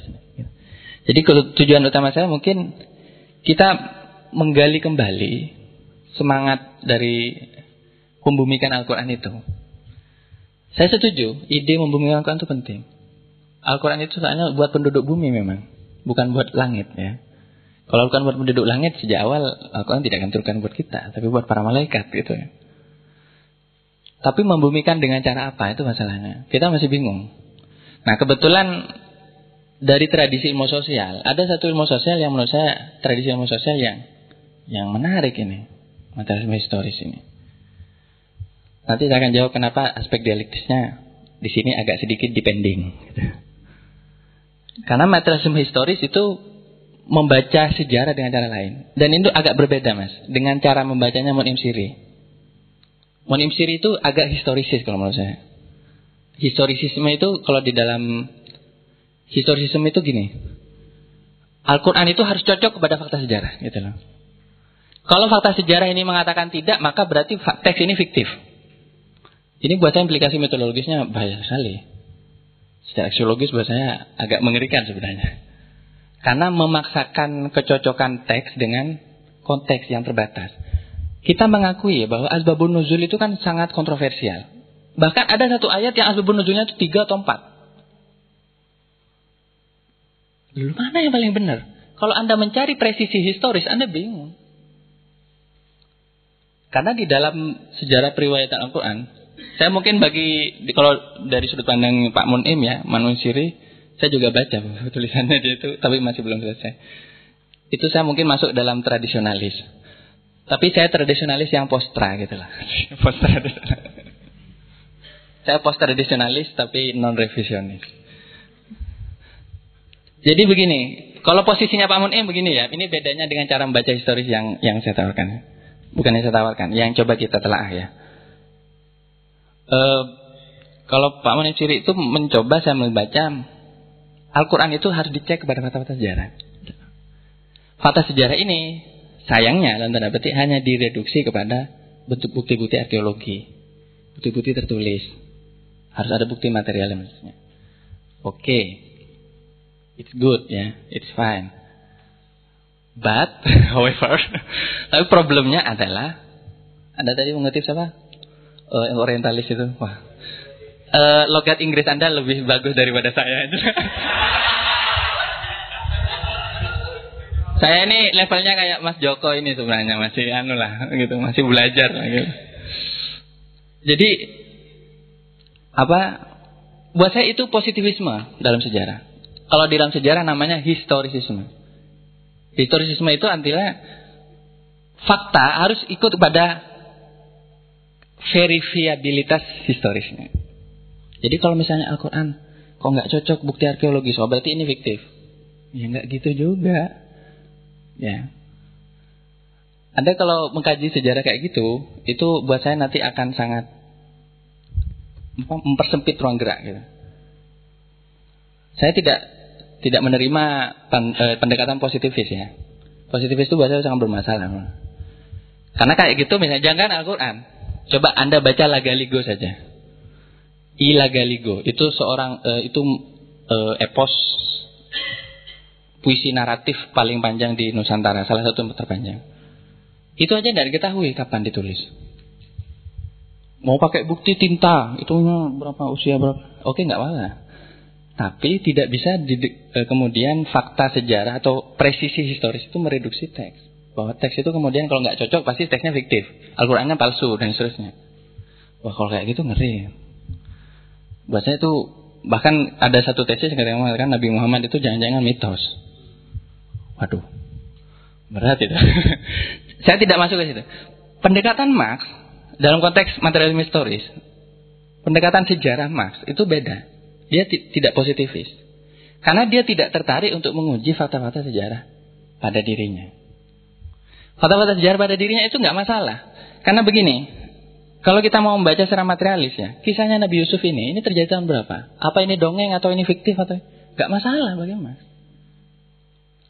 Karena betapapun itu fiktif, tapi selama di baliknya, karena itu adalah bentuk tadi forms of social consciousness, bentuk dari kesadaran sosial. Teks itu sendiri, mau fiktif atau aksi asli, itu adalah bentuk dari kesadaran sosial. Bahkan sebuah dongeng pun itu adalah sebuah teks. Tapi di balik itu ada produk produk uh, ada relasi produksi, ada produksi of social life dan seterusnya yang tadi itu. Itu yang menarik diungkap gitu. Jadi kalau kita membaca uh, kisah Nabi Yusuf tadi kalau orang masih berkutat pada fakta-fakta yang positif, yang positivistik ya, saya positivistik, dia akan bertanya, ini kisah ini terjadi kapan sih? Berapa ribu tahun yang lalu? Benar nggak ini? Mana bukti arkeologisnya? Anda capek sendiri. Karena bukti-bukti itu sekarang mungkin sudah hilang. Jangankan bukti itu. E, awal apa? Bukti-bukti arkeologis dari era Umayyah saja udah nggak ada kan? Abbasiyah aja udah nggak ada. Hancur semuanya. Jadi bukan berarti kalau bukti tidak ada itu tidak faktanya tidak ada juga gitu. Jadi itu perbedaan saya. E, terus soal terlalu memaksakan atau tidak? Ya bisa memaksakan iya kalau memang tadi metode itu di, di apa mau di, di dipaksa harus harus menguliti teks saja ya. Saya tidak mencoba untuk itu, tapi maksudnya ini ini tergantung tingkat bagaimana anda membaca materialis uh, secara materialis itu. Kalau uh, sekali lagi seorang muslim itu memang bukan seorang muslim, seorang pembaca Al-Quran itu memang tidak mungkin 100% bisa bisa membaca Al-Quran secara materialis. Ya, 100% dalam arti seluruh Al-Quran kemudian menjadi materialis dan sendirinya itu tidak mungkin. Apa materialisnya dari misalnya kawati suar? Alif lam ro apa itu? Raono gitu katanya kan. Enggak ada. Nah, di situ dimensi-dimensi yang lain tentu harus dibaca, dimensi tekstual, sastrawi, dan seterusnya. Saya setuju dengan pendekatan yang sudah banyak kembangkan para ilmuwan sekarang. Sekarang itu ilmu sosial itu canggih sebenarnya sudah membaca Al-Quran. Bahkan ilmu ilmu sosial manual sudah canggih. Cuma yang kurang menurut saya adalah mereka tidak materialis. Itu saja. Mereka tidak materialis. Kenapa e, tidak ada dialektikanya? Dialektika itu ada pada level ontologis ya. Cara kita memahami secara filosofis. Nah kalau kita setuju bahwa Al-Quran ini harus dibaca secara filosofis, Anda boleh menggali aspek dialektisnya. Bisa. Cuma siapa sih yang bisa membaca Al-Quran secara filosofis? Kaum sufi aja belum selesai itu. Dan itu pun selama ini masih berkembang dalam konteks tradisi kebatinan. Apa e, tafsir isyari. Di tafsir isyari, tafsir simbolik, para sufi mengembangkan tafsir filosofis atas Al-Quran. Berbicara tentang hubungan antara langit dan bumi, realitas material, pembentukan realitas material dan seterusnya, hakikat realitas dan seterusnya. Itu kalau mau bicara dialektika. Saya setuju pendekatan itu, cuma kalau untuk uh, pada tingkat yang lebih empiris itu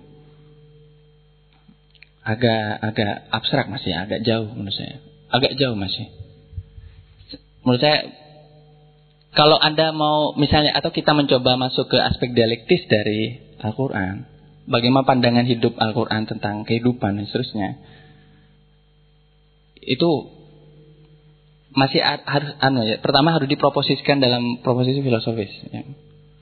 Dan itu karena tidak ada misalnya eh, Hegel, uh, Marx bicara soal dialektika negasi atas negasi, kualitas dan kuantitas.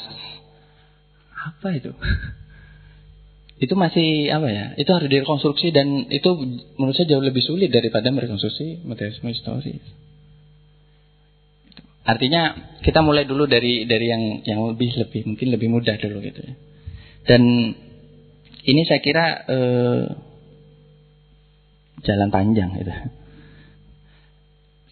Apakah eh, apa? Sama gini, dialektika itu sendiri juga berkembang.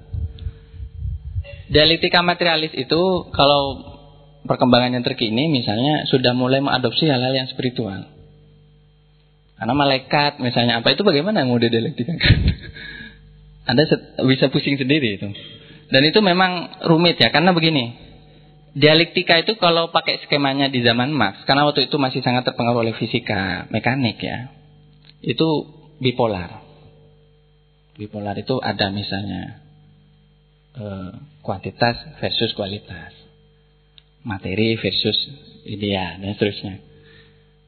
Bipolar. Nah sekarang eh, para pemikir Marxis kontemporer itu banyak mengembangkan dialektika itu multipolar. Ada banyak lapisan dan ada banyak dimensi. Jadi di situ buat saya e, bisa menjadi sangat dialektis justru nantinya. Tapi itu buat saya terlalu falsafi lah istilahnya, terlalu filosofis. Dan tafsir yang filosofis itu kan berat ya, buat umat itu berat ya. Jangan, wah berat sekali. Dan itu pun belum tentu legitimate ya secara akademis legitimate. Jadi buat saya agak berat memang kalau bicara dialektika. Saya bukannya memisahkan ya, tapi dialektis ini buat saya e, opsional kalau dalam memahami Al-Quran. Karena kalau tidak Anda bisa terjebak lagi ke idealisme. Dan kita harus bicara pada tataran yang sangat abstrak. Misalnya tentang hubungan manusia dan Tuhan. Bagaimana Tuhan mengintervensi materi. Oh itu abstrak sekali. Sangat skolastik. Gitu. Jadi eh, kita bisa mengeksplor itu jangankan jangan ke Al-Qur'an dulu tapi mungkin tentang Islam dulu. Bagaimana Islam dengan logika dialektika.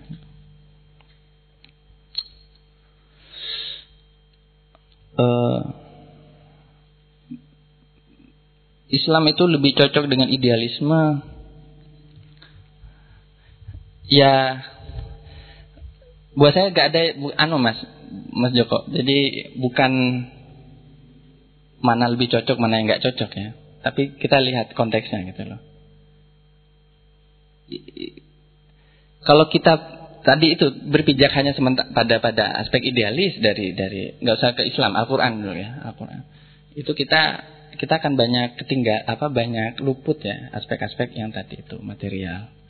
Dan ternyata pengabaian aspek itu sekali lagi bertanggung jawab atas ahistorisisme yang, terjadi di kalangan umat Islam. Ya.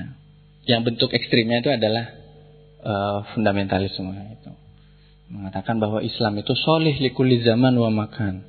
Islam itu cocok untuk segala ruang dan waktu, tapi penafsirannya sangat imperialistik. Ya, kalau anda uh, apa?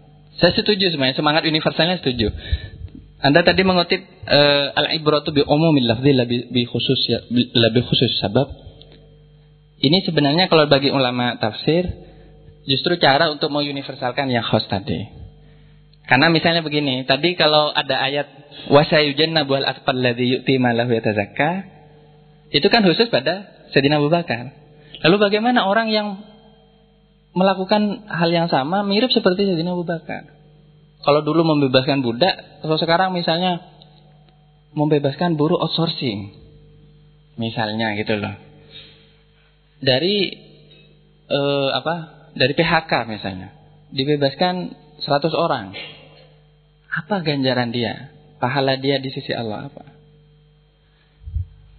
Saya yakin di sini yang am bisa dikhoskan. Apa yang khos bisa diamkan. Jadi masuk itu al ibratu bi umumil lafzi. Walaupun tentu tidak persis bahwa alladzi itu sama seperti Sayyidina Abu Bakar. Nah, yang menarik ini ini ini masuk ke uh, tadi ya. Masalah dialektika, ini dialektis ini. Ini kan kalau di dalam logika logika dialektika materialis itu namanya dialektika antara partikular dan universal. Nah, biasanya orang-orang yang uh, selama ini sangat ide, cenderung idealis dalam memandang uh, Al-Qur'an ya, hanya melihat aspek universalnya saja. Tidak mau melihat aspek dialek. Seolah-olah begini misalnya, Al-Qur'an itu anti diskriminasi perempuan. Sangat egaliter. Ngambil ayat-ayat tertentu, kemudian langsung di ekstrapolasi, diambil aspek universalnya. Gitu. Ini secara metodologi bermasalah sebenarnya. Karena gini, kita harus melihat apa hubungan antara yang partikular dan universal. Kan kalau di dalam e, logika dialektis itu kan ada ada penjabaran dari elemen yang paling dasar. Elemen dasar ini biasanya nanti kontradiktif dengan ini memunculkan yang ini. Yang ini kontradiktif lagi dengan ini memunculkan yang ini.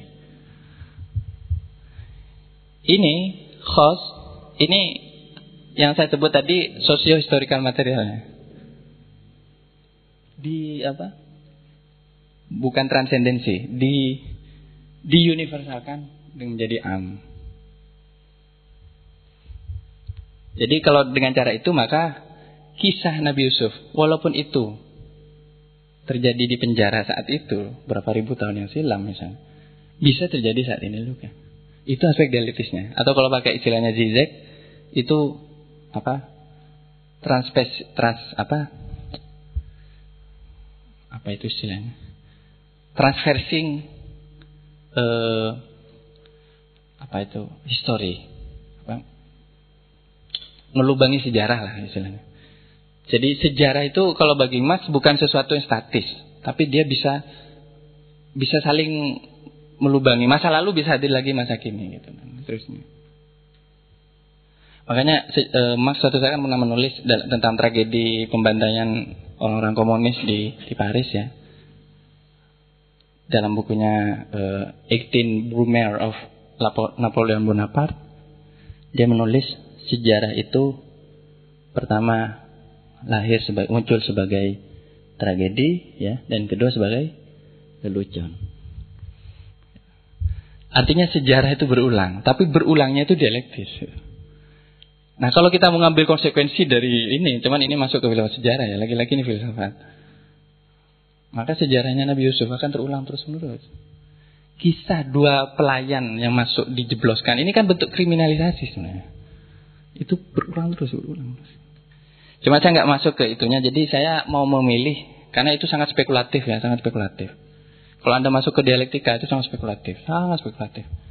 Saya mau masuk ke yang lebih konkret saja, yang lebih mudah dicerna yaitu aspek uh, historika materialnya. Kalau tadi ada pertanyaan, kok saya nggak menemukan yang mana sih yang dimaksud sosiohistorikal? Uh, mungkin tadi lewat ya penjelasan empat itu tentang produksi sosial kehidupan, relasi produksi dan seterusnya. Jadi term-term ya, term-term yang tadi itu Misalnya ya, saya, saya contohkan asijen. Apa? Penjara. Fatayan. Al-Malik. Ya. Ada Yusuf alaihissalam. Ada Al-Khubz. Roti.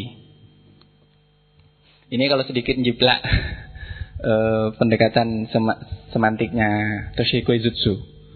Toshiko Izutsu kan menulis seperti ini. Kalau mau baca Al-Quran, baca term semantiknya. Ya. Ini pendekatan strukturalis sebenarnya. Agak kuno tapi masih bermanfaat lah. Al-Khubz. Al-Khomer.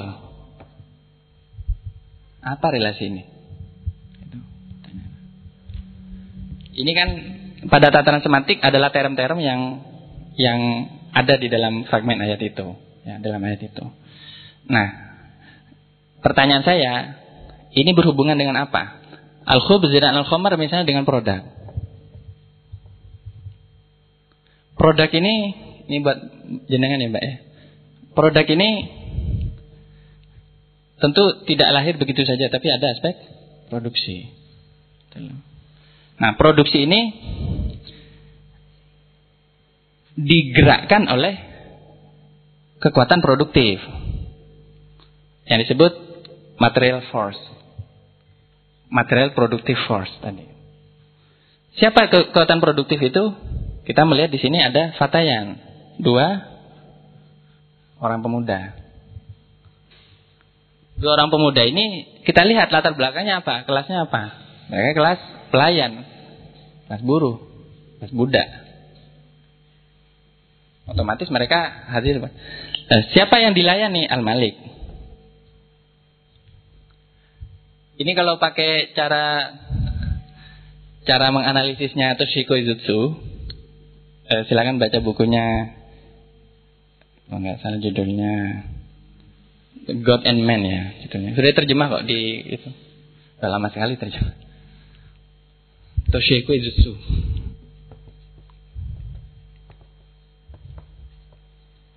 Itu seperti ini. Cuma saya ingin memberi bobot materialisnya dalam sisi bahwa term-term ini terkait dengan relasi produksi itu aja. Dengan hubungan produktif di dalam di antara kekuatan produktif tertentu. Maka dari sini kita bisa melihat bahwa term fatayan ini ternyata memiliki kema, eh, apa? keistimewaan. Bukan saja dua pemuda ini dua pemuda nggak jelas, tapi ternyata adalah dua orang buruh, gitu. dua orang pelayan dari kelas kelas kelas ini. Gitu. Nah di sini juga tergambar juga relasi kelasnya dan seterusnya. Ini yang saya maksud tadi dengan uh, men menemukan ya sosiohistorical material. Ya. Soal marxisme dan determinisme itu itu karena angel mas.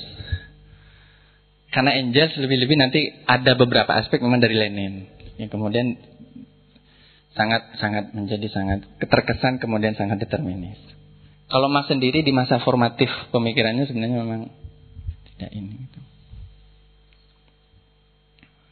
Soal mirip eh, konto objektifikasi Konto Wijoyo, saya mau baca lagi nanti ya. Saya lupa teori objektifikasi dalam arti kalau objektifikasinya siapa? Berger sama uh, Peter L. Berger sama Luhmann itu Luhmann, Luhmann. Ya. Itu itu kan apa? Langsung dari praktek sosial.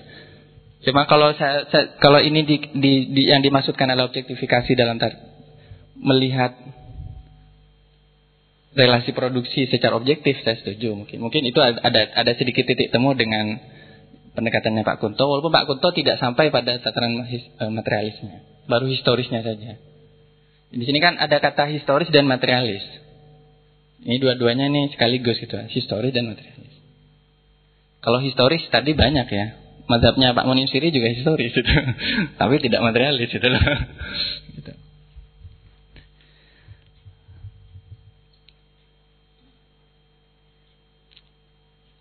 Soal Nasr Hamid Abu Zaid itu ada dua teorinya Nasr Hamid itu ya. Al-Quran itu produsen budaya dan produk budaya. Produk budaya ini sebenarnya agak ambigu istilah ini harus hati-hati. Bukan berarti budaya dibuat membuat Al-Quran, tidak. Bukan berarti masyarakat Arab membuat Al-Quran. Karena itu itu yang banyak disalahpahami yang kemudian menjadi teori bahwa Al-Quran itu uh, padahal itu sudah dibantah oleh Al-Quran bahwa Al-Quran bukanlah bikinan manusia kan. Jadi maksudnya produk budaya itu Al-Quran menyerap beberapa aspek dari kebudayaan itu dan merekam di dalamnya. Nah, saya mencoba menerjemahkan istilahnya Nasir Hamid itu bukan dengan istilah budaya, tapi bahwa Al-Quran itu dalam beberapa term sosialnya itu merekam situasi di mana saat itu e, kisah itu terjadi atau ayat itu diceritakan, apa diturunkan. Jadi kalau kata produknya saya setuju karena produk itu menggambarkan ini. Tapi budayanya tidak. Istilah budaya itu menurut saya agak masih agak abstrak gitu Kalau mau kita konsisten. Jadi tidak mesti harus budaya, tapi mungkin faktor-faktor yang lebih mendasar lagi dari aspek budaya itu. Itu saja mungkin Kang ya. Jadi ini uh, ini beberapa hal yang mungkin bisa bisa saya sampaikan. Dan sekali lagi bukan bukan hanya melulu di ayat di surat Yusuf saja ya. Itu yang yang bisa kita kutip ya. Tapi kalau kita serius-serius mengkaji, membaca Al-Quran, eh, bukan tidak mungkin Anda menemukan di tempat yang lain. Tapi tentu sekali lagi, ini adalah cara baca ya, cara baca.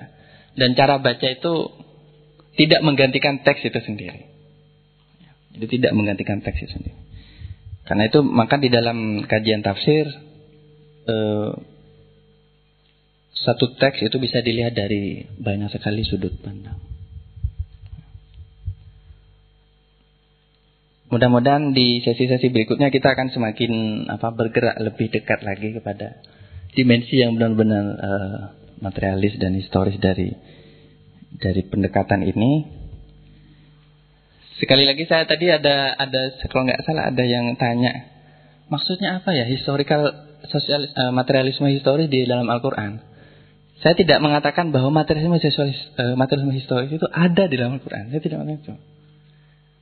Itu keliru ya. Anda mau sabrak-abrak mencari Al-Quran teori sosial materialisme nggak ada. Bukan itu yang tapi bahwa yang ada dalam Al-Quran itu adalah sosial materialisnya. Tapi sosial e, materialisme historisnya itu kita yang merekonstruksi.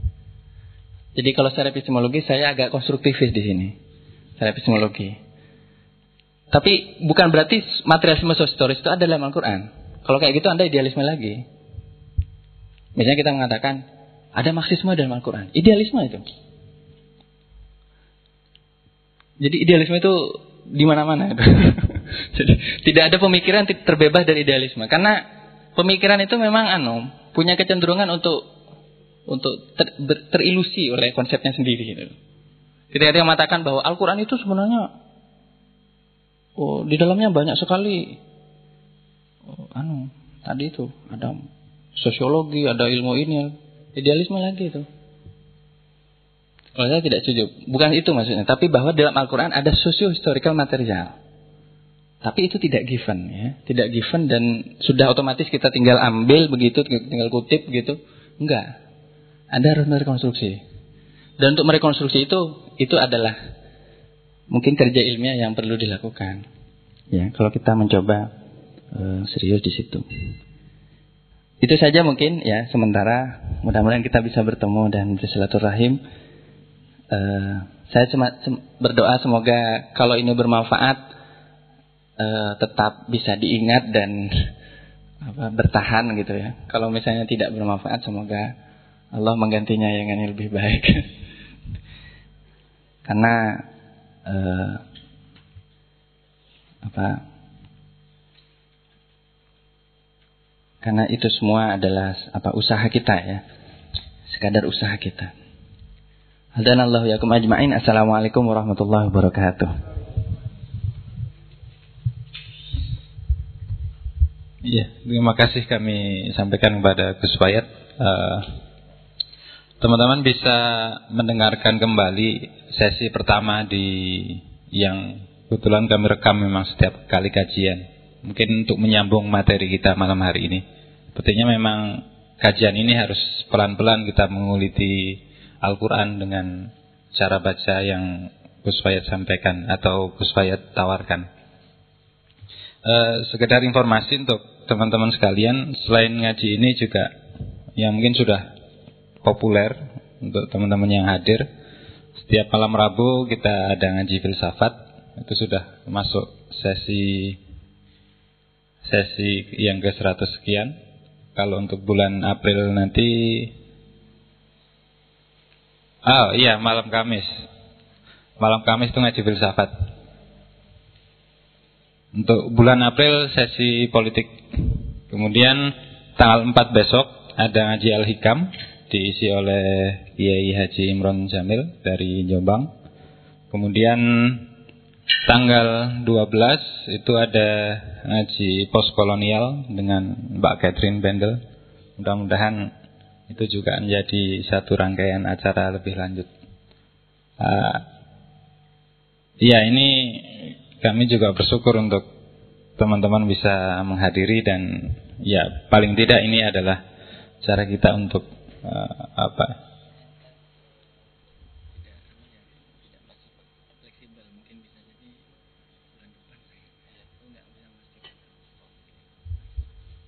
Iya, untuk kajian Gus Wahid sendiri memang waktunya tidak bisa kita patok, tergantung uh, slownya Gus Wahid ngisinya kapan baru kita bisa gelar.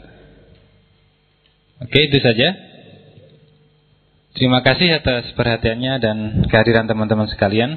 Uh, mohon maaf bila ada salah-salah kata dan kurang menjamu untuk teman-teman hari di dalam kesempatan malam hari ini. Mari kita akhiri ngaji kita malam hari ini dengan sama-sama membaca Alhamdulillah. Alhamdulillahirrahmanirrahim. Assalamualaikum warahmatullahi wabarakatuh.